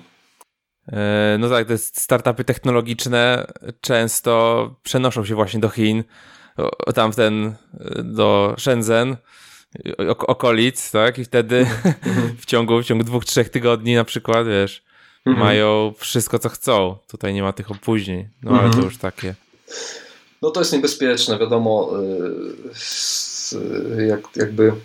Jest ciekawa rzecz, że mm, od, od, od dawna cesarz chiński, gdy wygrał wojnę i chciał e, poniżyć przeciwnika, to robił kopię jego świątyni i stawiał koło siebie, żeby poniżyć go, zobacz, ty to wymyśliłeś, a ja to przejąłem. Cnotą jest, jest, skopiować w tej kulturze, więc yy, my tego nie rozumiemy, ale jak, ale jak zaczynamy to rozumieć, to, to, to, to zaczynamy się bać. Tak, to tak jak, tak jak ta historia, gdzie e, była kampania na Kickstarterze, która zbierała pieniądze i Chińczycy zrobili produkt dokładnie ten sam, tylko wcześniej go wypuścili na rynek bez kampanii. No, no, no. Kiedyś miałem szkolenie w firmie, która, która produkuje ciężarówki i maszyny, yy, maszyny budowlane. No i zrobili prototyp jakiejś super, super koparki, która miała to ramię takie, gdzie na końcu jest to łycha. No i po prostu wycięli otwór niepotrzebnie w tym ramieniu za wysoko i wycięli drugi niżej i tam tą łychę przepili do tego drugiego otworu. Pierwszy został no, jako prototypowo. I po roku idą na targi maszyn budowlanych, patrzą, a tam chińska kopia kopary z tym otworem niepotrzebnym. Mm. po prostu jest. No tak, no tak. E, powiedz mi, wiem, że dużo czasu spędzasz e, w, przy komputerze i w trasie. I powiedz mi, jak e, starasz się jakoś zachować taką sprawność fizyczną?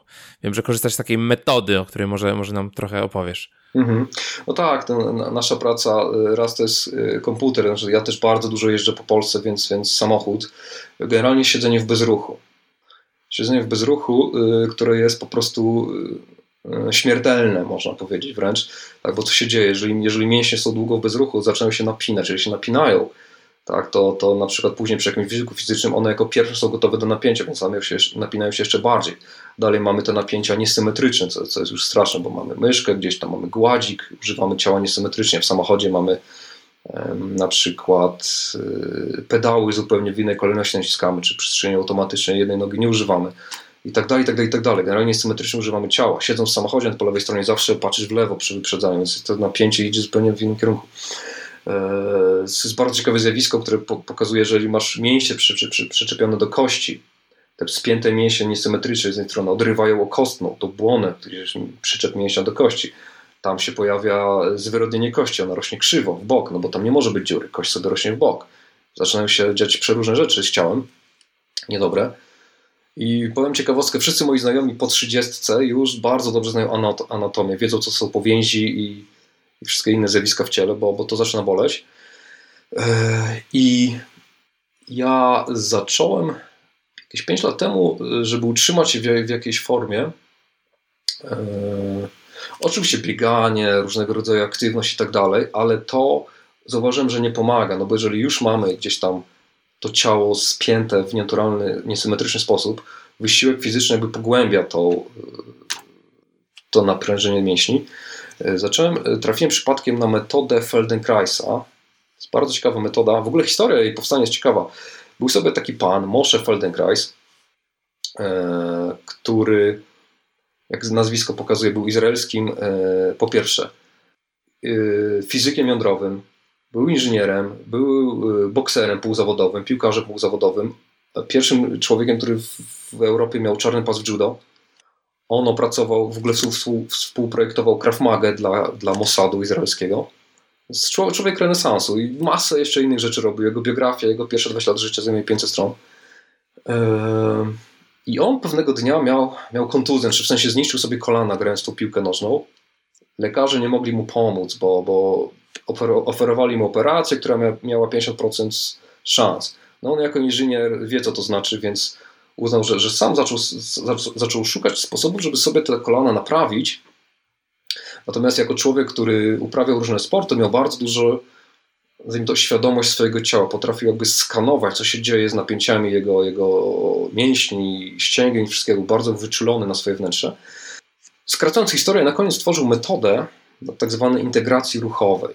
Metoda, w której zakładamy, że bo są różne metody. Są metody, na przykład e, metoda roll, e, rolfingu, w której e, nazwijmy to konsultant, masażysta ustawia ci napięcia mięśni w pewien wzorcowy sposób. Jest metoda Aleksandra, która oferuje pewne ćwiczenia, które ustawiają ci ciało w jakiś tam sposób. Sposób, który jest założony przez twórcę metody, że tak jest najlepiej, patrząc jakby biomechanicznie, że patrząc sobie na siły, naprężenia, mięśni, kości, jak sobie tak poustawić, będzie najlepiej. I okej, okay, to się zgadza w idealnym szkielecie, natomiast Feldenkrais założył, że każdy z nas ma jakąś historię urazów, nawyków, czegoś, że nasze, nasze, nasze nawykowe napięcia spowodowały jakieś tam zniekształcenia kości i tak dalej. Więc jego metoda zakłada, że ty najlepiej sam wiesz, jak sobie to poustawiać, y, tylko musisz sobie to wyczulić w sobie. Więc ćwiczenia w tej metodzie wyglądają w taki sposób, że na przykład Mamy taki cel, nie wiem, leci nam głowa do przodu, szyja nam się pochyla, tak? No bo patrzymy w dół na telefon, tablety. No to co, co się uczy? Co mama uczy? Stój prosto. No to nasz zawodnik zaczyna sobie napinać plecki, żeby tą szyję trzymać pionowo, no ale co się dzieje? Wciąż jest sytuacja, gdzie mamy odcinek piersiowy, wyobraźcie sobie pionowy taki słupek, z niego do przodu wychodzi ten pierwszy krąg szyjny i mamy taką stry, szyję strusia, że nam ta szyja leci do przodu. Możemy oczywiście wyprostować, napinając masę mięśni, ale wciąż pracujemy bez sensu, pracujemy mięśniami, ale nasze kości stoją krzywo. Bo y, jak sobie zobaczycie, dzieje niżej, wasza miednica jest krzywo ustawiona. Dla części słuchaczy w tym momencie y, pojawia się, co? E, jaka miednica w ogóle? Jak może być krzywo ustawiona? No właśnie. Ta wielka kość może być ustawiona pod wieloma kątami. Jeżeli ta miednica jest krzywo ustawiona, to powoduje, że cały twój przód ciała leci do przodu razem z głową. I to, że skupisz swoje mięśnie tylko na szyi, na, na trzymaniu głowy prosto, powoduje, że one się przepracują, będą, będą zbyt napięte, będą boleć. A problem jest być może niżej. Jeżeli sobie ustawisz najpierw miednicę równiutko, tak jakbyście sobie wyobrazili szkielet, że czaszka, e, czaszka powinna, jakby, gdybyśmy usunęli mięso, to czaszka powinna spaść w tak pośrodku e, między, między miednicą, tak? Czyli dążymy do tego, żeby jakby stać na kościach. Stoimy na kościach, wtedy jak najmniej mięśni pracuje i musi być jakby e, używanych i zmęczonych. No i teraz pytanie, skąd wiesz, że twoja miednica jest ustawiona prosto czy krzywo? Więc cała ta metoda polega na tym, żeby sobie jakby przeskanować, jakby ćwiczyć tak zwaną uważność. Czyli yy, cała jakby lekcja polega na tym, że trener mówi ci na co powinieneś zwrócić uwagę, robisz mikroruchy. Każdy ruch ma bardzo małą yy, amplitudę, bo założenie jest takie, że jeżeli robisz duży ruch, obszerny, taki aerobowy, to pojawia się, pojawia się duży szum w układzie nerwowym, mózg się nie uczy. Mózg jest zajęty odszumianiem sygnałów z układu nerwowego i nie jest w stanie się uczyć. Natomiast jeżeli ruch jest malutki, wtedy do mózgu dochodzi w miarę czysty sygnał, że tak powiem, i e, układ nerwowy zaczyna czuć, że dobrze, tego typu ruch powoduje mnie takie napięcie, taki ból, takie zużycie energii zupełnie nieoptymalne. Następnie trener pokazuje nową, nowy schemat ruchu, w którym układ nerwowy, który zakładam nie jest głupi, zauważa, o, przy tym schemacie podnoszenia ręki, nogi czy ruchu szyi zużywa mniej energii, ma mniejsze napięcia, więc wybiorę sobie ten, ten nowy schemat. Oczywiście po takim ćwiczeniu, jeżeli pojawi się jakiś stres, jakaś sytuacja, gdzie się spinamy znowu, znowu wracamy do defaultowego ustawienia napięć mięśniowych. Ale jeżeli sobie to ćwiczysz z tygodnia na tydzień, powtarzasz, powtarzasz, powtarzasz, to gdzieś tam, gdzieś tam powolutku e, zaczynają się pojawiać nowe schematy. A powiedz mi, e, co daje ta, ta metoda e, Feldenkraisa? Mhm. Ona jest bardzo jakby głęboka, można powiedzieć, można ją na kilku poziomach analizować. Na takim najbardziej powierzchownym, jeżeli na przykład źle używamy ciała, długo siedzimy w, w, w, jakiejś pozycji, no to zaczyna nas boleć tak zwany kręgosłup. Tak? No kręgosłup nie boli, to bolą, bolą mięśnie wzdłuż jego, które jakby przepracowują się, bo, bo trzymają złego, złe, złe ustawienie, zły kształt. Tak? Więc to, co możemy sobie zrobić, to zmieniając y, schemat napięciowy, możemy je rozluźnić, pozwolić im odpocząć sobie. To jest jakby e, pierwszy, pierwszy taki y, y, cel na uniknięcie, żeby przestało boleć, żeby było lepiej. Dalej Drugi poziom, jak już sobie dłużej ćwiczymy, pojawia się optymalizacja ruchu, czyli sposób w jaki siadasz, wstajesz, chwytasz coś. Yy, robi się takie bardziej, powiedzmy to, zgrabne. Ja na przykład przez 6 lat swojego życia byłem takim drewnianym klocem, który od szyi w dół to nic nie czuł. Yy, I teraz zacząłem na przykład czuć sobie, że spina mi się przepona. Przepona to jest taki mięsień wielki, który steruje, który oddziela nam jelita od yy, płuc. I na przykład jeżeli czy prowadzę szkolenie, przez trzy dni muszę mówić bez przerwy, czy prowadzę prezentację, tak, no to mogę mówić tak ściśniętym gardłem, y, żeby chcę mówić głośno, bardzo płytki oddech, nie wiem czy teraz słyszycie, nabieram powietrza tylko do tak zwanych obojczyków, tak, i mówię ścisłym gardłem, albo mogę nabrać powietrza dużo głębiej, tak, opuśćcie moją przeponę, czyli ona wypchnęła jelita na zewnątrz, brzuch mi się trochę powiększył, to nie wygląda super fajnie, ale ma więcej miejsca na płuca, tam mogę nabrać więcej powietrza, mogę mówić dłuższe frazy, przez to nie spinam gardła, gardło mi się nie męczy, przez to mój głos stał się niższy, a większość ludzi odbiera głos niższy jako, że taki mądrzejszy człowiek, jak ma niższy głos w naszej kulturze, jakoś tak to się przyjęło. E, więc możesz jakby świadomie używać swojego ciała w sposób bardziej optymalny. Jeżeli na przykład y, jadę sobie samochodem, czy sobie robię trening na torze y, i nagle się okazuje, że, nieświadomie zupełnie robię, robię jakieś ruchy, łatwiej, łatwiej mi to przychodzi. Na przykład tre, trener, trener y, jazdy torowej mówi, ale ty masz, ale ty masz miękkie ręce. zawsze miałem twarde ręce, ale dzięki treningowi są takie miękkie i potrafią jakby, że tak powiem, y, kierownicą, mikroruchami skanować, szukać przyczepności, szukać poślizgu i takie drobne rzeczy się polepszają. Czy jak sobie, nie wiem, na strzelnicy, to trochę inaczej czuję ten uchwyt tej broni i tak dalej, i tak dalej. Więc robi się y, taka optymalizacja użycia ciała, i jeszcze głębszy poziom, mm, pewnie większość z Was ma świadomość tego, że układ ciała wpływa na emocje. Tak? Nie możesz siąść zgarbiony, wszyscy to znamy. Tak? Zgarbić się i powiedzieć, świetnie się dzisiaj czuję. Albo nie możesz wyprostować i powiedzieć, ale jest beznadziejny dzień, tak? bo to nie gra. Tak? To nie jest ze sobą powiązane. To jest najprostszy eksperyment, ale są jeszcze inne mikrozmiany, które możesz sobie zrobić z, jakby z napięciem mięśni gałek ocznych, żeby szybko się zrelaksować z ustawieniem języka względem oczu, to też powoduje duże rozluźnienia, relaks i tak dalej. Tak jest masa takich mikroszczególików, które dla niektórych ludzi są oczywiste, a dla mnie nie były. I dzięki tej metodzie sobie podkrywałem takie mikro, mikro takie haki, powiedzmy. Mm, a jakie byś dał rady, jakby ktoś chciał wykorzystać tą metodę w swoim życiu? Od czego można zacząć? Mhm. Ta metoda ma e, jakby generalnie dwa tryby działania. Jest taki tryb tak zwany FI, czyli y, Functional Integration. To jest metoda, którą sam ten Moshe Feldenkrais na początku wymyślił, że przychodzisz sobie do tak zwanego praktyka tej metody, zwykle leżysz, ale są też ćwiczenia na siedząco, na stojąco i ta, ten praktyk ciebie dotyka. W taki sposób, że na przykład y, mm, porusza twoim szkieletem. To nie jest masaż. To jest rodzaj... Y, inżynier bawił się dźwigniami, yy, siłami, przenosił siły. Na przykład, jeżeli, nie wiem, boli cię bark, to on cię dotknie twoje stopy i zacznie poprzez stopę szukać takiego ustawienia kąta, mi, mikrozmiany jednego stopnia kąta między kościami w twojej stopy, bo może się okazać, że krzywo stawiasz stopę i stąd seria napięć mięsiowo-powięziowych ci wywala gdzieś tam e, szyję, tak? Więc on ci to będzie ustawiał. I, i to jest jakby podstawowy, podstawowy sposób działania, że idziesz, że tak powiem, do mechanika, mówisz, o, tu mnie panie boli, a mechanik, ponieważ zna anatomię, no to wie, jak to tam po kolei przepuścić przez kości, żeby było lepiej. Ale ponieważ było bardzo dużo klientów na tego typu usługi tam wtedy, w tych latach 60., 70., gdy Feldenkrais to wymyślał, więc on wymyślił drugi tryb, ponieważ to się nie skalowało, tak? Jedna osoba naprawia e, klienta, tak? Więc wymyślił tryb yy, tak zwany ATM, Awareness Through Movement, czyli świadomość poprzez ruch, gdzie wygląda to w taki sposób, że jest sala, na sali leży kilkadziesiąt osób i praktyk, trener wydaje ci polecenia. Rusz stopą, ale w trakcie gdy ruszasz stopą wydaje ci polecenia tak zwanego skanu, czyli a zwróć uwagę, co robi twój pępek. A co to ma wspólnego? Nie interesuj się, nie rozumiesz tego, nie znasz się, to ma bardzo dużo wspólnego, po prostu rób to, co on ci mówi, tak? I wtedy są takie zajęcia. W każdym większym mieście masz jedną, dwie osoby, które się tą metodą posługują, można sobie pójść na takie zajęcia, to kosztuje tam nawet 20 zł za godzinę i, i, sobie, i sobie popróbować. Oczywiście pierwsze kilka zajęć będzie frustrujące, tak? Dostaniesz informację unosząc rękę, zwróć uwagę, co zrobił twój język, ale język to jest wielki mięsień, który idzie przez, przez, przez szyi, tak? ma ogromny wpływ na inną serię napięć. Tak? Więc musisz zaufać, że ta osoba wie, na co zwrócić uwagę w danym ćwiczeniu.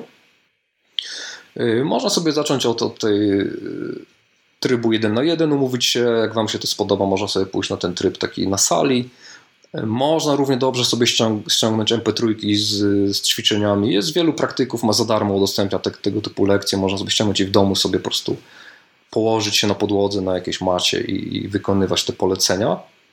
Bardzo ważne, że w tych poleceniach nie ma y, instrukcji, że coś robisz dobrze albo, albo źle. Jak jest podnieść nogę, to nikt nie mówi ci, znaczy dobrze podnieść nogę. To nie ma dużego znaczenia. Po prostu podnieść malutki ruch, bo tak jak mówiłem, robisz duży ruch, robisz szum w układzie nerwowym, mózg się nie uczy. E, więc, więc warto sobie spróbować. Też większość praktyków organizuje jakieś wakacyjne wyjazdy na tydzień, na przykład w jakieś fajne miejsce w górach i tam przez cały tydzień, przez cały dzień e, przechodzisz sekwencję lekcji. I dana sekwencja lekcji jest nastawiona na to, żeby inaczej chodzić, inaczej siedzieć, inaczej oddychać. Są już jakby takie pakiety jakby zrobione pod kątem jakiejś konkretnej jakby życiowej takiej fun e, umiejętności funkcjonowania. E, widzisz y, duże zmiany w swoim życiu, w swojej sprawności, stosując tę metodę? Mm, wiesz co? Y, ciężko mi powiedzieć, bo ja nigdy nie byłem jakimś specjalnym ninją, więc dla mnie zmiany są ogromne, ale z drugiej strony to trwa 5 lat, więc, więc one są, no przykład, spadam z roweru, spadam z sanek jadąc z dzieckiem na sankach, przewracam się gdzieś tam, tak? Normalnie robiłem to jak chlot z drewna, potłukłem się jak oferma i tak dalej. W tym momencie dzieje się ta sytuacja, nagle wstaję z ziemi i mówię, ale upadłem w sprytny sposób, nic się nie stało, aż to było nawet fajne. Yy, nie wiem, żona, żona postawiła kubek gdzieś w szafie tak, że, wypadł. Kubek spada, bach, on jest w mojej ręce. Patrzę, o, złapałem go nie wiem, jestem na torze, y, wpadłem w poślizg, zrobiłem kontrę i nagle po fakcie, no ale fajnie skontrowałem. Normalnie bym się zabił czy, czy połamał zawieszenie, y, a, a, a tutaj nagle o, jest, jest, jest, jest inaczej. Więc są takie mikroruchy, tylko trzeba mieć tę cierpliwość, bo to nie są rzeczy, które y, inaczej. Ten kora motoryczna u ludzi bardzo powoli się uczy. To nie jest tak jak uczenie się, nie wiem, tabliczki mnożenia zupełnie inną częścią mózgu. Ta, ta kora ruchowa, ona jest bardzo szybka, przez to jest prymitywna i jej przeprogramowanie jest długotrwałe. Mm, część ludzi może zapytać na przykład, czy, czy to jest lepsze od, nie wiem, tai chi, jogi, czy miliona innych rzeczy. I odpowiedź jest Feldenkraisa nie. To y, pomoże ci lepiej robić twoje tai chi, pomoże ci to lepiej robić twoje tam inne aikido, cokolwiek ćwiczysz, poprzez to wyczulenie cokolwiek sobie tam robisz ciałem fizycznego, to po prostu masz inną świadomość tego, jak to robisz i tyle. Czyli jest to taka optymalizacja e, ruchowa na dobrą sprawę. Tak jak optymalizujesz, nie wiem, swoją produktywność stosując jakieś techniki, tutaj optymalizujesz swoją sprawność e, stosując jakieś techniki. Tak, tak, na tych, tych powierzchownych levelach tak najbardziej. Cała, tak jak wcześniej wspominałem, cała ta e, lekcja wygląda w ten sposób, że układowi nerwowemu pokazuje się, zobacz, tak to robisz, to kosztuje tyle energii, tylko to jest powolny ruch z wyczuleniem ze skanu. To wtedy czujesz zużycie. Później jest pokazane inne, innego sposobu ruchu i nikt ci nie mówi, co jest lepsze. Twój układ nerwowy sam wybiera ten schemat, który on czuje, że jest jakby bardziej optymalny. I, i na przykład y, na, na, na sali są osoby, które mają 80 lat i one też się uczą. Nie jest za późno nigdy. E, fajnie, fajnie, bardzo, bardzo ciekawa metoda. Mm, postaram się wypróbować. Polecam, naprawdę. To, to jest jedna z tych rzeczy, które mi dużo zmieniły w życiu. Tak samo jak diety, tak samo jakieś różnego typu przełomowe książki czy szkolenia, to to było e, takie, no jeden z tych takich e, bardzo ważnych, e, nazwijmy to, kamieni milowych gdzieś tam. A masz jakieś konkretne diety? Jakieś, które optymalizują twoją wydajność, czy... Bo, bo mówiłeś, że zmieniło to w twoim życiu sporo. Wiesz co, swego czasu była duża moda na, na tak, tak zwaną dietę paleo, ja w sumie jej nie stosuję wprost, ale samo przydanie książki dużo rzeczy mi uświadomiło, trochę na sobie testowałem i na przykład y, odstawiłem węglowodany do minimum, y, co z, z, no, ogromną zmianę zrobiło po pierwsze w jakby zdolności kognitywnej. Hmm. No tak. Osoby, które to trenowały, nie wiem czy, czy sprawdzałeś coś takiego, to du dużo czyści, jakby jaśniej się myśli, nie jedząc węglowodanów. Nie sprawdzałem jeszcze ale to osoby, które, które, znaczy nie wszystkie, na przykład moja żona, ona zupełnie ma geny z południa, ma inną karnację, inne, inną twarzoczaszkę, inne rysy, ona może jeść ile chce klusków i wszystkiego nigdy nie utyje. Natomiast u mnie od razu ja czuję, czuję y, bardziej pewnie jestem z tych Słowian, co tutaj biegali z dzidą po lasach za dzikiem. E, także dla, dla mnie od razu jakby, jakby tego typu jakby węglowe rzeczy spowodują e, szybką ospałość, e, ociężałość mentalną i tak dalej. I na przykład, jeżeli jadę do klienta 5-7 godzin w samochodzie, nie muszę co godzinę batonika jeść i kawy pić, tak jak kiedyś robiłem. Wystarczy zjeść tłusty obiad i sobie jechać. Bez, bez problemu. Tak samo na sali szkoleniowej mamy lunch. No i zwykle są jakieś ziemniaksy, czy, czy tego typu jakieś kluski i e, no i ludzie mi po 40 minutach mają zwały cukrową. Oni śpią, tak? I ja muszę być na pełnych obrotach do końca dnia. I, jestem, tak? Bo, bo bo nie jestem senny. Masa takich różnych y, drobnych zmian, związanych też z samym funkcjonowaniem ciała. Już nie chcę chodzić głęboko w to, bo to jest bardzo zależy od, od człowieka i, i każdy musi sam na sobie spróbować. Ale warto, warto eksperymentować. I generalny morał jest taki, żeby nie wrzucać w siebie jak w śmietnik cokolwiek, tylko zacząć się zastanawiać, które rzeczy się ze sobą łączy, a których się nie łączy. Mm -hmm, to, to, to mm -hmm. po mhm. prostu czuć, yy, yy, to po prostu czuć, tak. Yy, że pewne rzeczy ci służą, a inne, pewne powodują wzdęcia, pewne powodują e, tam różne zjawiska, inne nie. I to, to jest, to trzeba sobie wypróbować samemu. Dużo takich eksperymentów robisz? Czy jeszcze, jeszcze masz jakieś w zanadrzu? E, wiesz co, raczej jak już coś mi działa w miarę ok, to już dalej nie, nie szukam dalej. To jest, to, to jest już good enough, że tak powiem. Mhm, jasne. E, a wracając jeszcze do tych tematów. A wrócę do eksperymentu. Mhm, ci, okay. testuję jeszcze teraz y, tak zwane przerywane posty, y, czyli takie okna niejedzenia przez 16 godzin. W tym momencie mamy godzinę za, za 12-12 w południe, tak? I jeszcze sobie nie jadłem śniadania, tak? Patrzyłem to, to okno, jadłem późną kolację, jest okno 16 godziny, żeby nie jeść y, niczego. Można pić oczywiście, E, jestem po kawie z, z tym magicznym proszkiem z zielonej herbaty. E, mechanika, biomechanika, która za tym stoi, podobno jest tak, że po 14 godzinach niejedzenia wytwarzały się hormony wzrostu, które u dorosłych ludzi nie służą do wzrostu jako takiego, bo myślnie rośniemy, ale do naprawiania ciała. Więc po tych 14 godzinach jeszcze dwie godzinki, żeby to się wydzielało i wtedy można sobie poćwiczyć, jeżeli ktoś buduje masę mięśniową, można pobiegać, czy po prostu dobrze się czuć. I powiem Ci bardzo ciekawe obserwacje. To też jest yy, mega ciekawe, jak działa nasz mózg. Nie wiem, czy mamy czas jeszcze na to. Mamy, pewnie. Yy, mi zawsze mama mówiła, jakby mały, Sławciu, zjedz śniadanie. Jak nie, nie zjesz śniadania, będziesz się źle czuł, zemdlejesz w szkole, będzie źle. No i zawsze jadłem porządne, duże śniadanie. Jak parę razy nie zjadłem, to się strasznie czułem. Źle, wiesz, nie, jak miał, miałbym stracić przytomność. No bo to chyba jest logiczne. Natomiast e, jakieś pół roku temu Łukasz Szydło, jeden z, z moich trenerów, jeden z naszych strategów firmowych, e, powiedział mi o tej diecie właśnie, tej, tej 16-godzinnej, jak również wcześniej o paleo, a na nim to wszystko działa, widzę, że świetnie wygląda, więc jak jemu działa, to też zastosuję.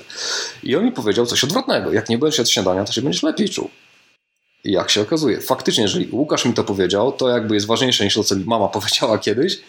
I faktycznie nie ma tragedii, nie musi wcale jeść, nie, nie, nie w panikę. Pierwsze cztery dni były takie, wiesz, chce mi się jeść, wieczorem myślę, czy mam na pewno jedzenie w lodówce, ale czy na pewno wystarczy. Taki bardzo prymitywny, wiesz, instynkt, czy jestem zabezpieczony.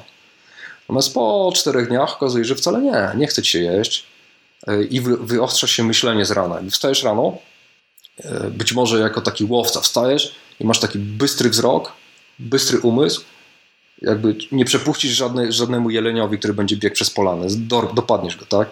Czyli, czyli jesteś, jesteś taki wyostrzony bardziej, co przekłada się na każdą sferę życia. Równie dobrze, dużo lepsze decyzje podejmujesz e, właśnie będąc rano na czczo, e, rozwiązujesz inne problemy, projektujesz jakieś e, nowe prezentacje itd., tak różne rzeczy, którymi się zajmuję teraz, jakby robi się lepiej, będąc w tym stanie.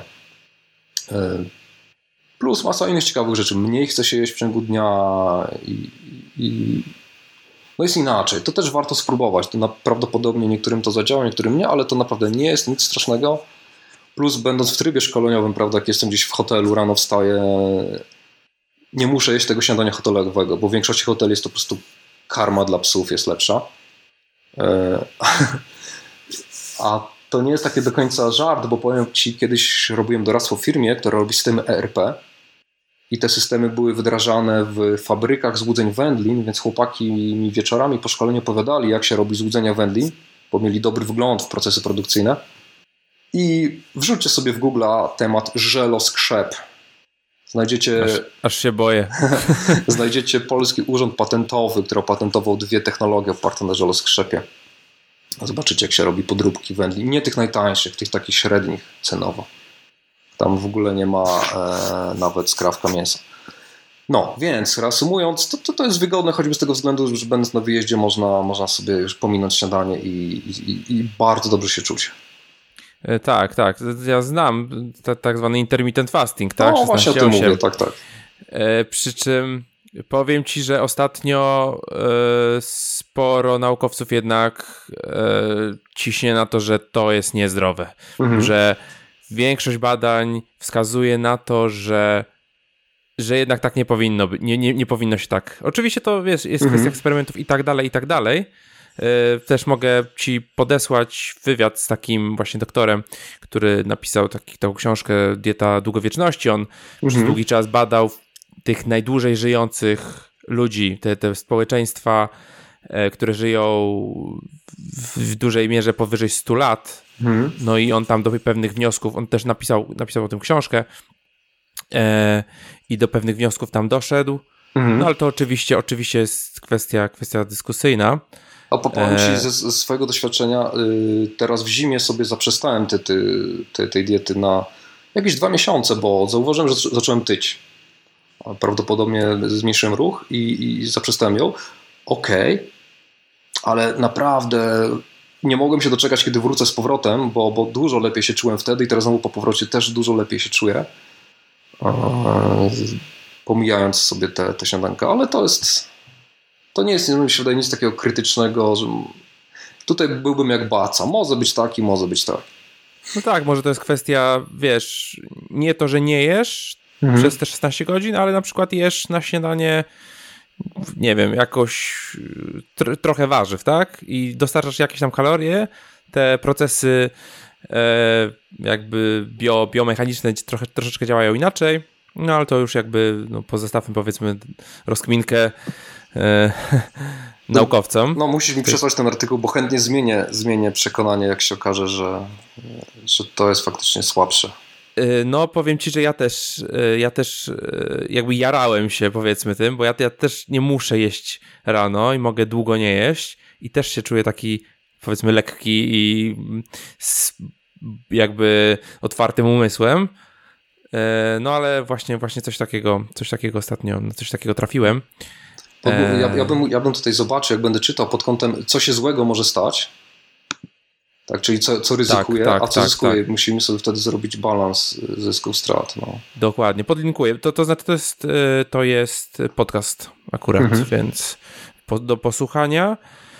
E, a jeszcze właśnie wracając do tej diety, to też mój znajomy ją stosował przez jakiś czas i też zaczął tyć. Także Aha. identyczna sytuacja. No i też zrezygnował, bo jakby jego celem jakby długoterminowym było, było jednak schudnięcie i, i wrócił do slow carb mhm. diet, tak, rekomendowaną tam w, przez Tima Ferisa. E, dobra, a jeszcze jedno mam pytanie odnośnie mm, tego, waszego, tego waszego projektu, tej opaski mhm. i w ogóle tych tematów. Czy, i, czy, czy masz jakieś. Co myślisz o, o tym, co właśnie robi Elon Musk, yy, czyli Neuralink, budowa takiej nakładki, która mhm. zwiększy nam przesył danych, mózg, system zewnętrzny? Mhm. Znaczy powiem tak, jest znowu kilka wymiarów, na y, jak, jak można to postrzegać, tak? Y, część ludzi może to postrzegać y, pod kątem nie majstrujmy, wszystko jest ok.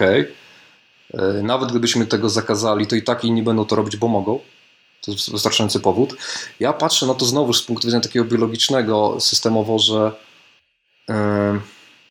to jest normalny proces, że przychodzą nowe gatunki. Tak, nie możemy się zatrzymać na jakimś naszym gatunku i sobie uznać, że, że jest najlepszy. No nie, no bo, no bo trzeba być gotowym na cokolwiek się stanie, a jesteśmy pewni tego, że, że Słońce kiedyś spuchnie tak, i stopi Ziemię, tak, bo gwiazdy tej wielkości w ten sposób umierają, więc musimy uciekać z, z tego systemu słonecznego. Jesteśmy pewni tego, że nasza, na, na, nasza planeta podróżuje po góra dół względem dysku galaktyki, jesteśmy na górze, dostajemy dużo promieniowania kosmicznego i to niszczy DNA i tak dalej, więc jakby szukanie jakby kolejnej formy życia jest dla mnie jak najbardziej okej, okay. powinniśmy to robić. Jakby nawet w naszym obowiązku to leży, bo jesteśmy świadomi, że, że, że, że jakby życie na planecie jest kruche, więc trzeba jakby je przenosić w inne formy, to, to jest obowiązek nasz, że tak powiem. I każdy z nas powinien w ogóle teraz rzucić wszystko w cholerę i, i szukać i pracować nad napędem antygrawitacyjnym. Bo już nie, zostało tylko parę milionów lat, no to już nie jest to dużo czasu.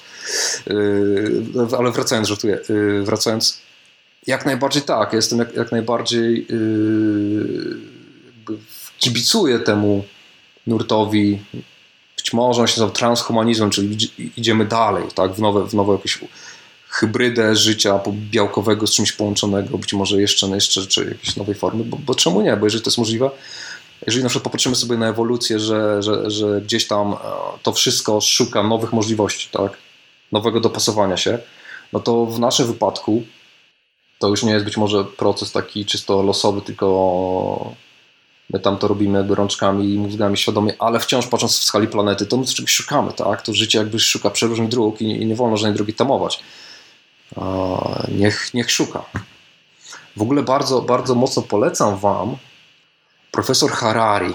E, napisał dwie książki, e, Sapiens i Homo Deus to jest bardzo ciekawe, to jest historyk, ale on patrzy na historię nie tak jak w szkole patrzyliśmy gdzieś tam, że a jakaś wojna, jakaś data, jakieś takie zupełnie rzeczy nieistotne. On patrzy bardziej na historię naszej cywilizacji, jak się zmieniała myśl ludzka i on próbuje ekstrapolować to na przyszłość. I on w swojej książce y, pytany, jaka będzie przyszłość, wiele scenariuszy y, rozpatruje alternatywnych, bo, bo nie wiadomo jak to będzie, ale między innymi mówi o tym, że ludzie będą się modyfikować. Dlaczego? Bo mogą siebie czy swoje dzieci zależnie od technologii, bo mogą po prostu.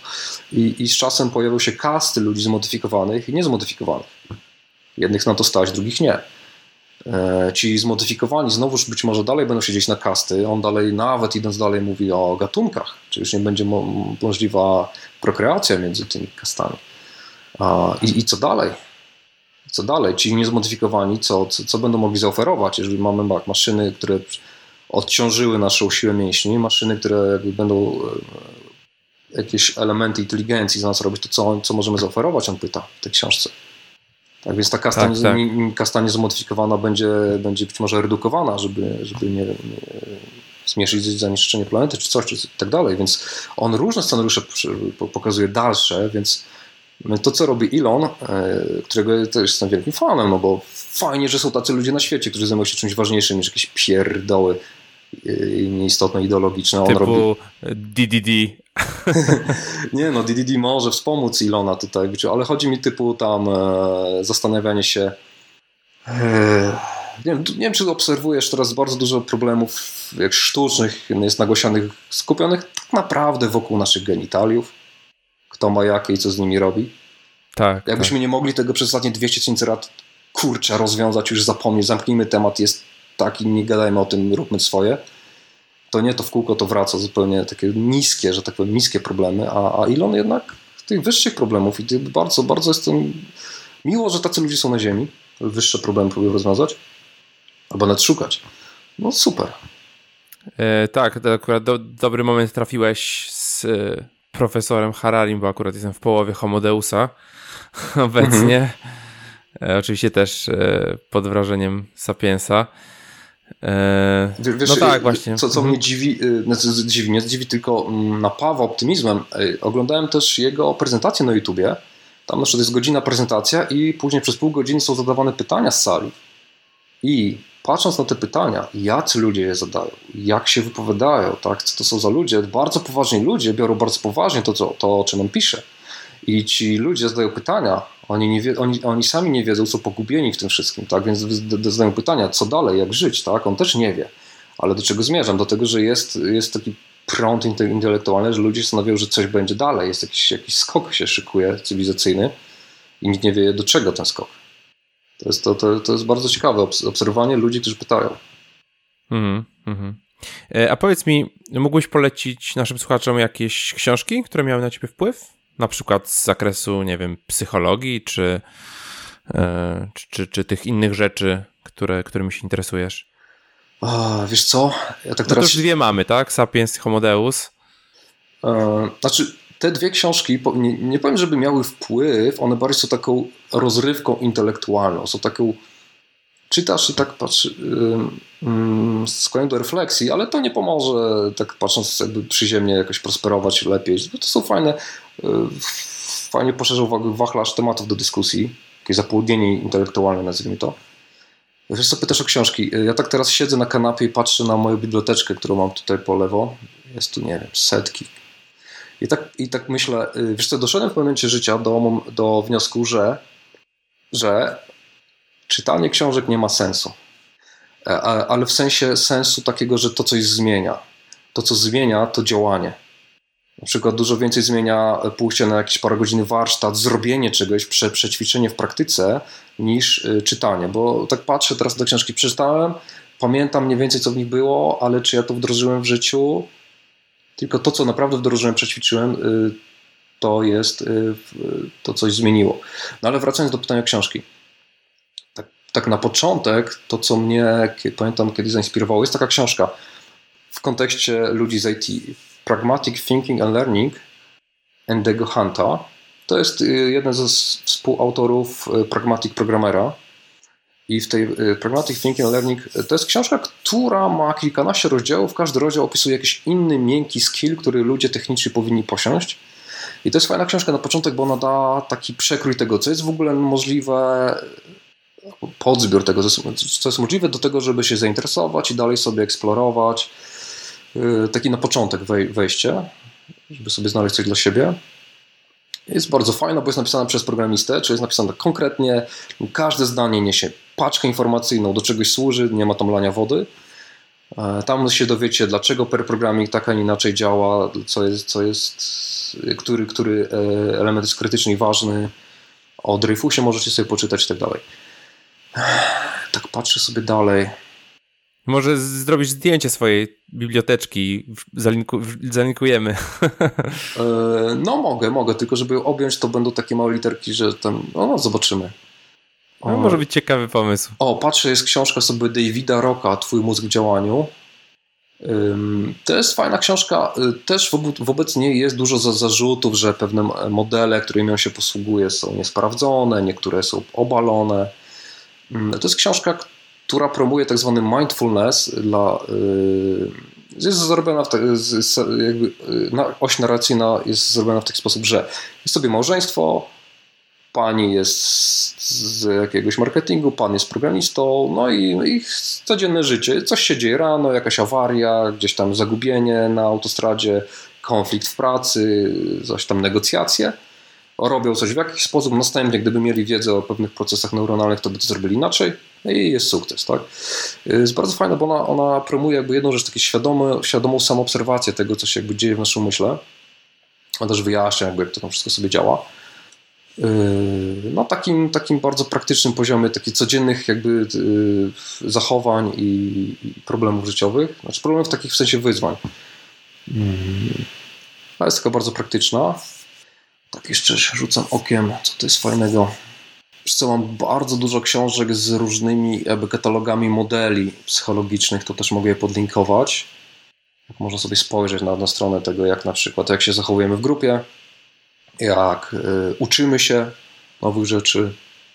Okej, okay, okej, okay. nie musimy, wiesz, na siłę tutaj. Jest, o, bardzo ciekawy tytuł widzę, tylko on jest taki bardziej zaawansowany, jak jesteśmy trochę głębiej w temacie. Y, Master and His Emissary. Mistrz i jego emisariusz. To jest książka y, redaktora naukowego, który spisał ostatnie 10 lat od y, badań nad mózgiem.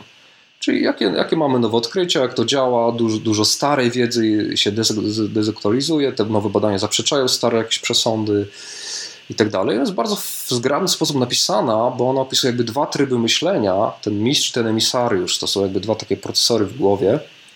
Jaka oś narracyjna jest, że ten emisariusz zdradził mistrza, jest taka jakby romantyczna opowieść, ale pod spodem są te jakby, jakby reportaże z badań naukowych i ona jest napisana w taki cwany sposób, bo Jeden rozdział mówi do jednego twojego procesora i jego się fajnie czyta, fajnie wchodzi, a drugi do tego drugiego i wchodzi jak ee, krew, piach i pod górkę. Bardzo fajnie gdzieś tam w połowie książki ja się dopiero zreflektowałem, że a kurczę, ale cwaniak. Inaczej formatuje treść pod inną jakby pod inną część twojego mózgu i to też było takie bardzo, bardzo fajne, zaskakujące. Dzięki. Mhm. Już tak zbliżając się y, ku końcowi, yy, chciałbyś coś przekazać naszym słuchaczom? Jakąś myśl, pytanie, jakieś podsumowanie? Coś, coś ci przychodzi na myśl? O kurczę, tu mnie zaskoczyłeś tym pytaniem, bo nie jestem przygotowany. Yy, wiesz co, ja bym się wzbraniał jednak, wiesz, bo yy, wzbraniałbym się przed tym, żeby mówić ludziom jak żyć, jakiś rad udzielać i tak dalej. A dlaczego? Dlatego, że z tych modeli psychologicznych, o których mówiłem, wiem, że rady są dobre tylko dla osoby, która je udziela i garstki osób, małego procenta osób, ludzi podobnych do tej osoby. Tak? Na przykład, mm-hmm. jak kogoś zapytasz, y, a proszę pana, a jak to najlepiej, y, jak najlepiej prowadzi biznes? No i ta osoba powie ci swój styl myślenia. Jeżeli się z nim zgadzasz, zgadzasz to powiesz, o, dobrze facet mówi, polać mu wódki. I zgadzasz się z nim, to po co tego słuchasz?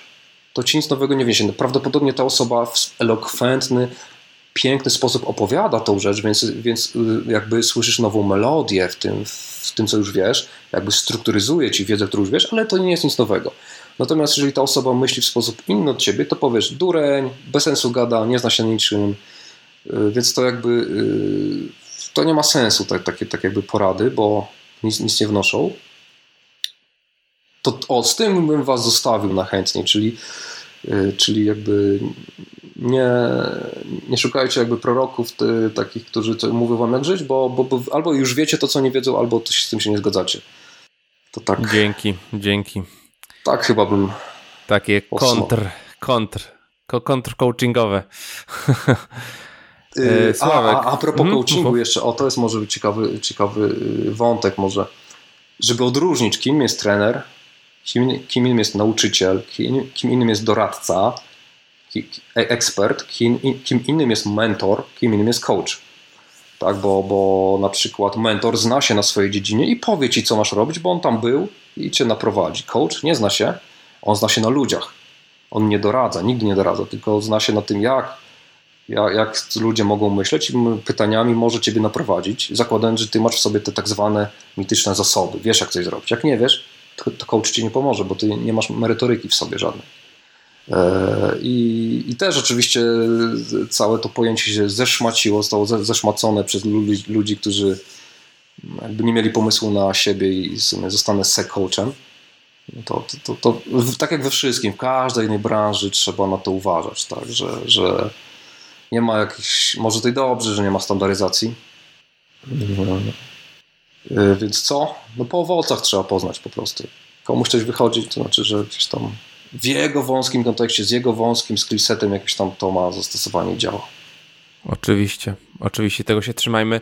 E, Sławek, powiedz, gdzie cię można znaleźć w sieci? Jak się z tobą skontaktować, jakbyś ktoś chciał?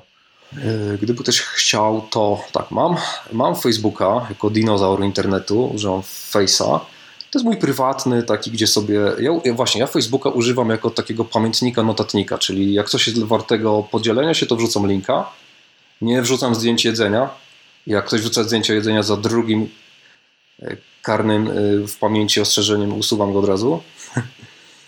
E, I parę innych rzeczy też. Bardziej, bardziej Facebooka używam wiesz, jako takiego strumienia mm, tego, bo mam w grupie obserwowanych ludzi, ludzi, których jakby szanuję intelektualnie, w sensie, że to, co wrzucają jest wartościowe i sobie codziennie rano robię prasówkę. Czytam to, co moi znajomi, których, których, którym wiem, że, że dobre rzeczy wrzucają, z uwagą, żeby nie być oczywiście w bańce. Tak? Mam też znajomych, którym nie muszę się zgadzać ideologicznie, ale oni wrzucają coś, co sami przefiltrowali i jest wartościowe. Tak? To, to jest face. Yy, ograniczyłem kanały, więc Twitter, Snapy i takie rzeczy nie używam tego, bo, bo po prostu, żeby sobie nie zaśmiecać z głowy, nie zaśmiecać. Możecie do mnie napisać maila, jeżeli ktoś by chciał, y, odpowiem w ciągu kilku dni. sławomir.sobotka małpa bottega przez 2t.com.pl y, Mamy też firmowego face'a, y, gdzie wrzucamy rzeczy merytoryczne. Czy to prezentacje naszych trenerów, czy innych, których polecamy, ponieważ są wartościowe, czy miejsca, gdzie, gdzie występujemy za darmo, jakieś meetupy i tak dalej. Nasi trenerzy występują, bo bo się nudzą wieczorem i występują, więc można sobie z nimi się spotkać. Też prezentacje wideo z konferencji, wszystko totalnie za darmo, artykuły, PDF-y, wszystko można sobie poczytać, tam linkujemy. Gdzie więcej? Tyle. W trasie, najczęściej, najczęściej na trasie gdzieś w jakimś na stacji park. No, to tam, tam, tam się można spotkać. E, Sławek, dzięki serdeczne za rozmowę i do usłyszenia. Dzięki również, do usłyszenia, cześć dotarliśmy do końca. Mam nadzieję, że, e, że się Wam podobało. Myślę, że to jest prawdziwa bomba wiedzy. E, poszliśmy w, w różnych kierunkach, w różne tematy. E, dajcie znać, czy, czy tematy, które, o których mówiliśmy, są dla Was ciekawe. Dajcie znać na przykład w komentarzach. I jeżeli, jeżeli Wam się podobało, to koniecznie, koniecznie zostawcie recenzję na iTunes. Pomaga to zawsze e, w promowaniu pozycji podcastu, tak żeby dotrzeć do większej ilości osób. E, Sławek, Tobie dziękuję serdecznie za rozmowę. E, było, było super, super inspirująco, super ciekawie. No i zapraszam wszystkich już za dwa tygodnie na kolejny odcinek. Dzięki, do usłyszenia.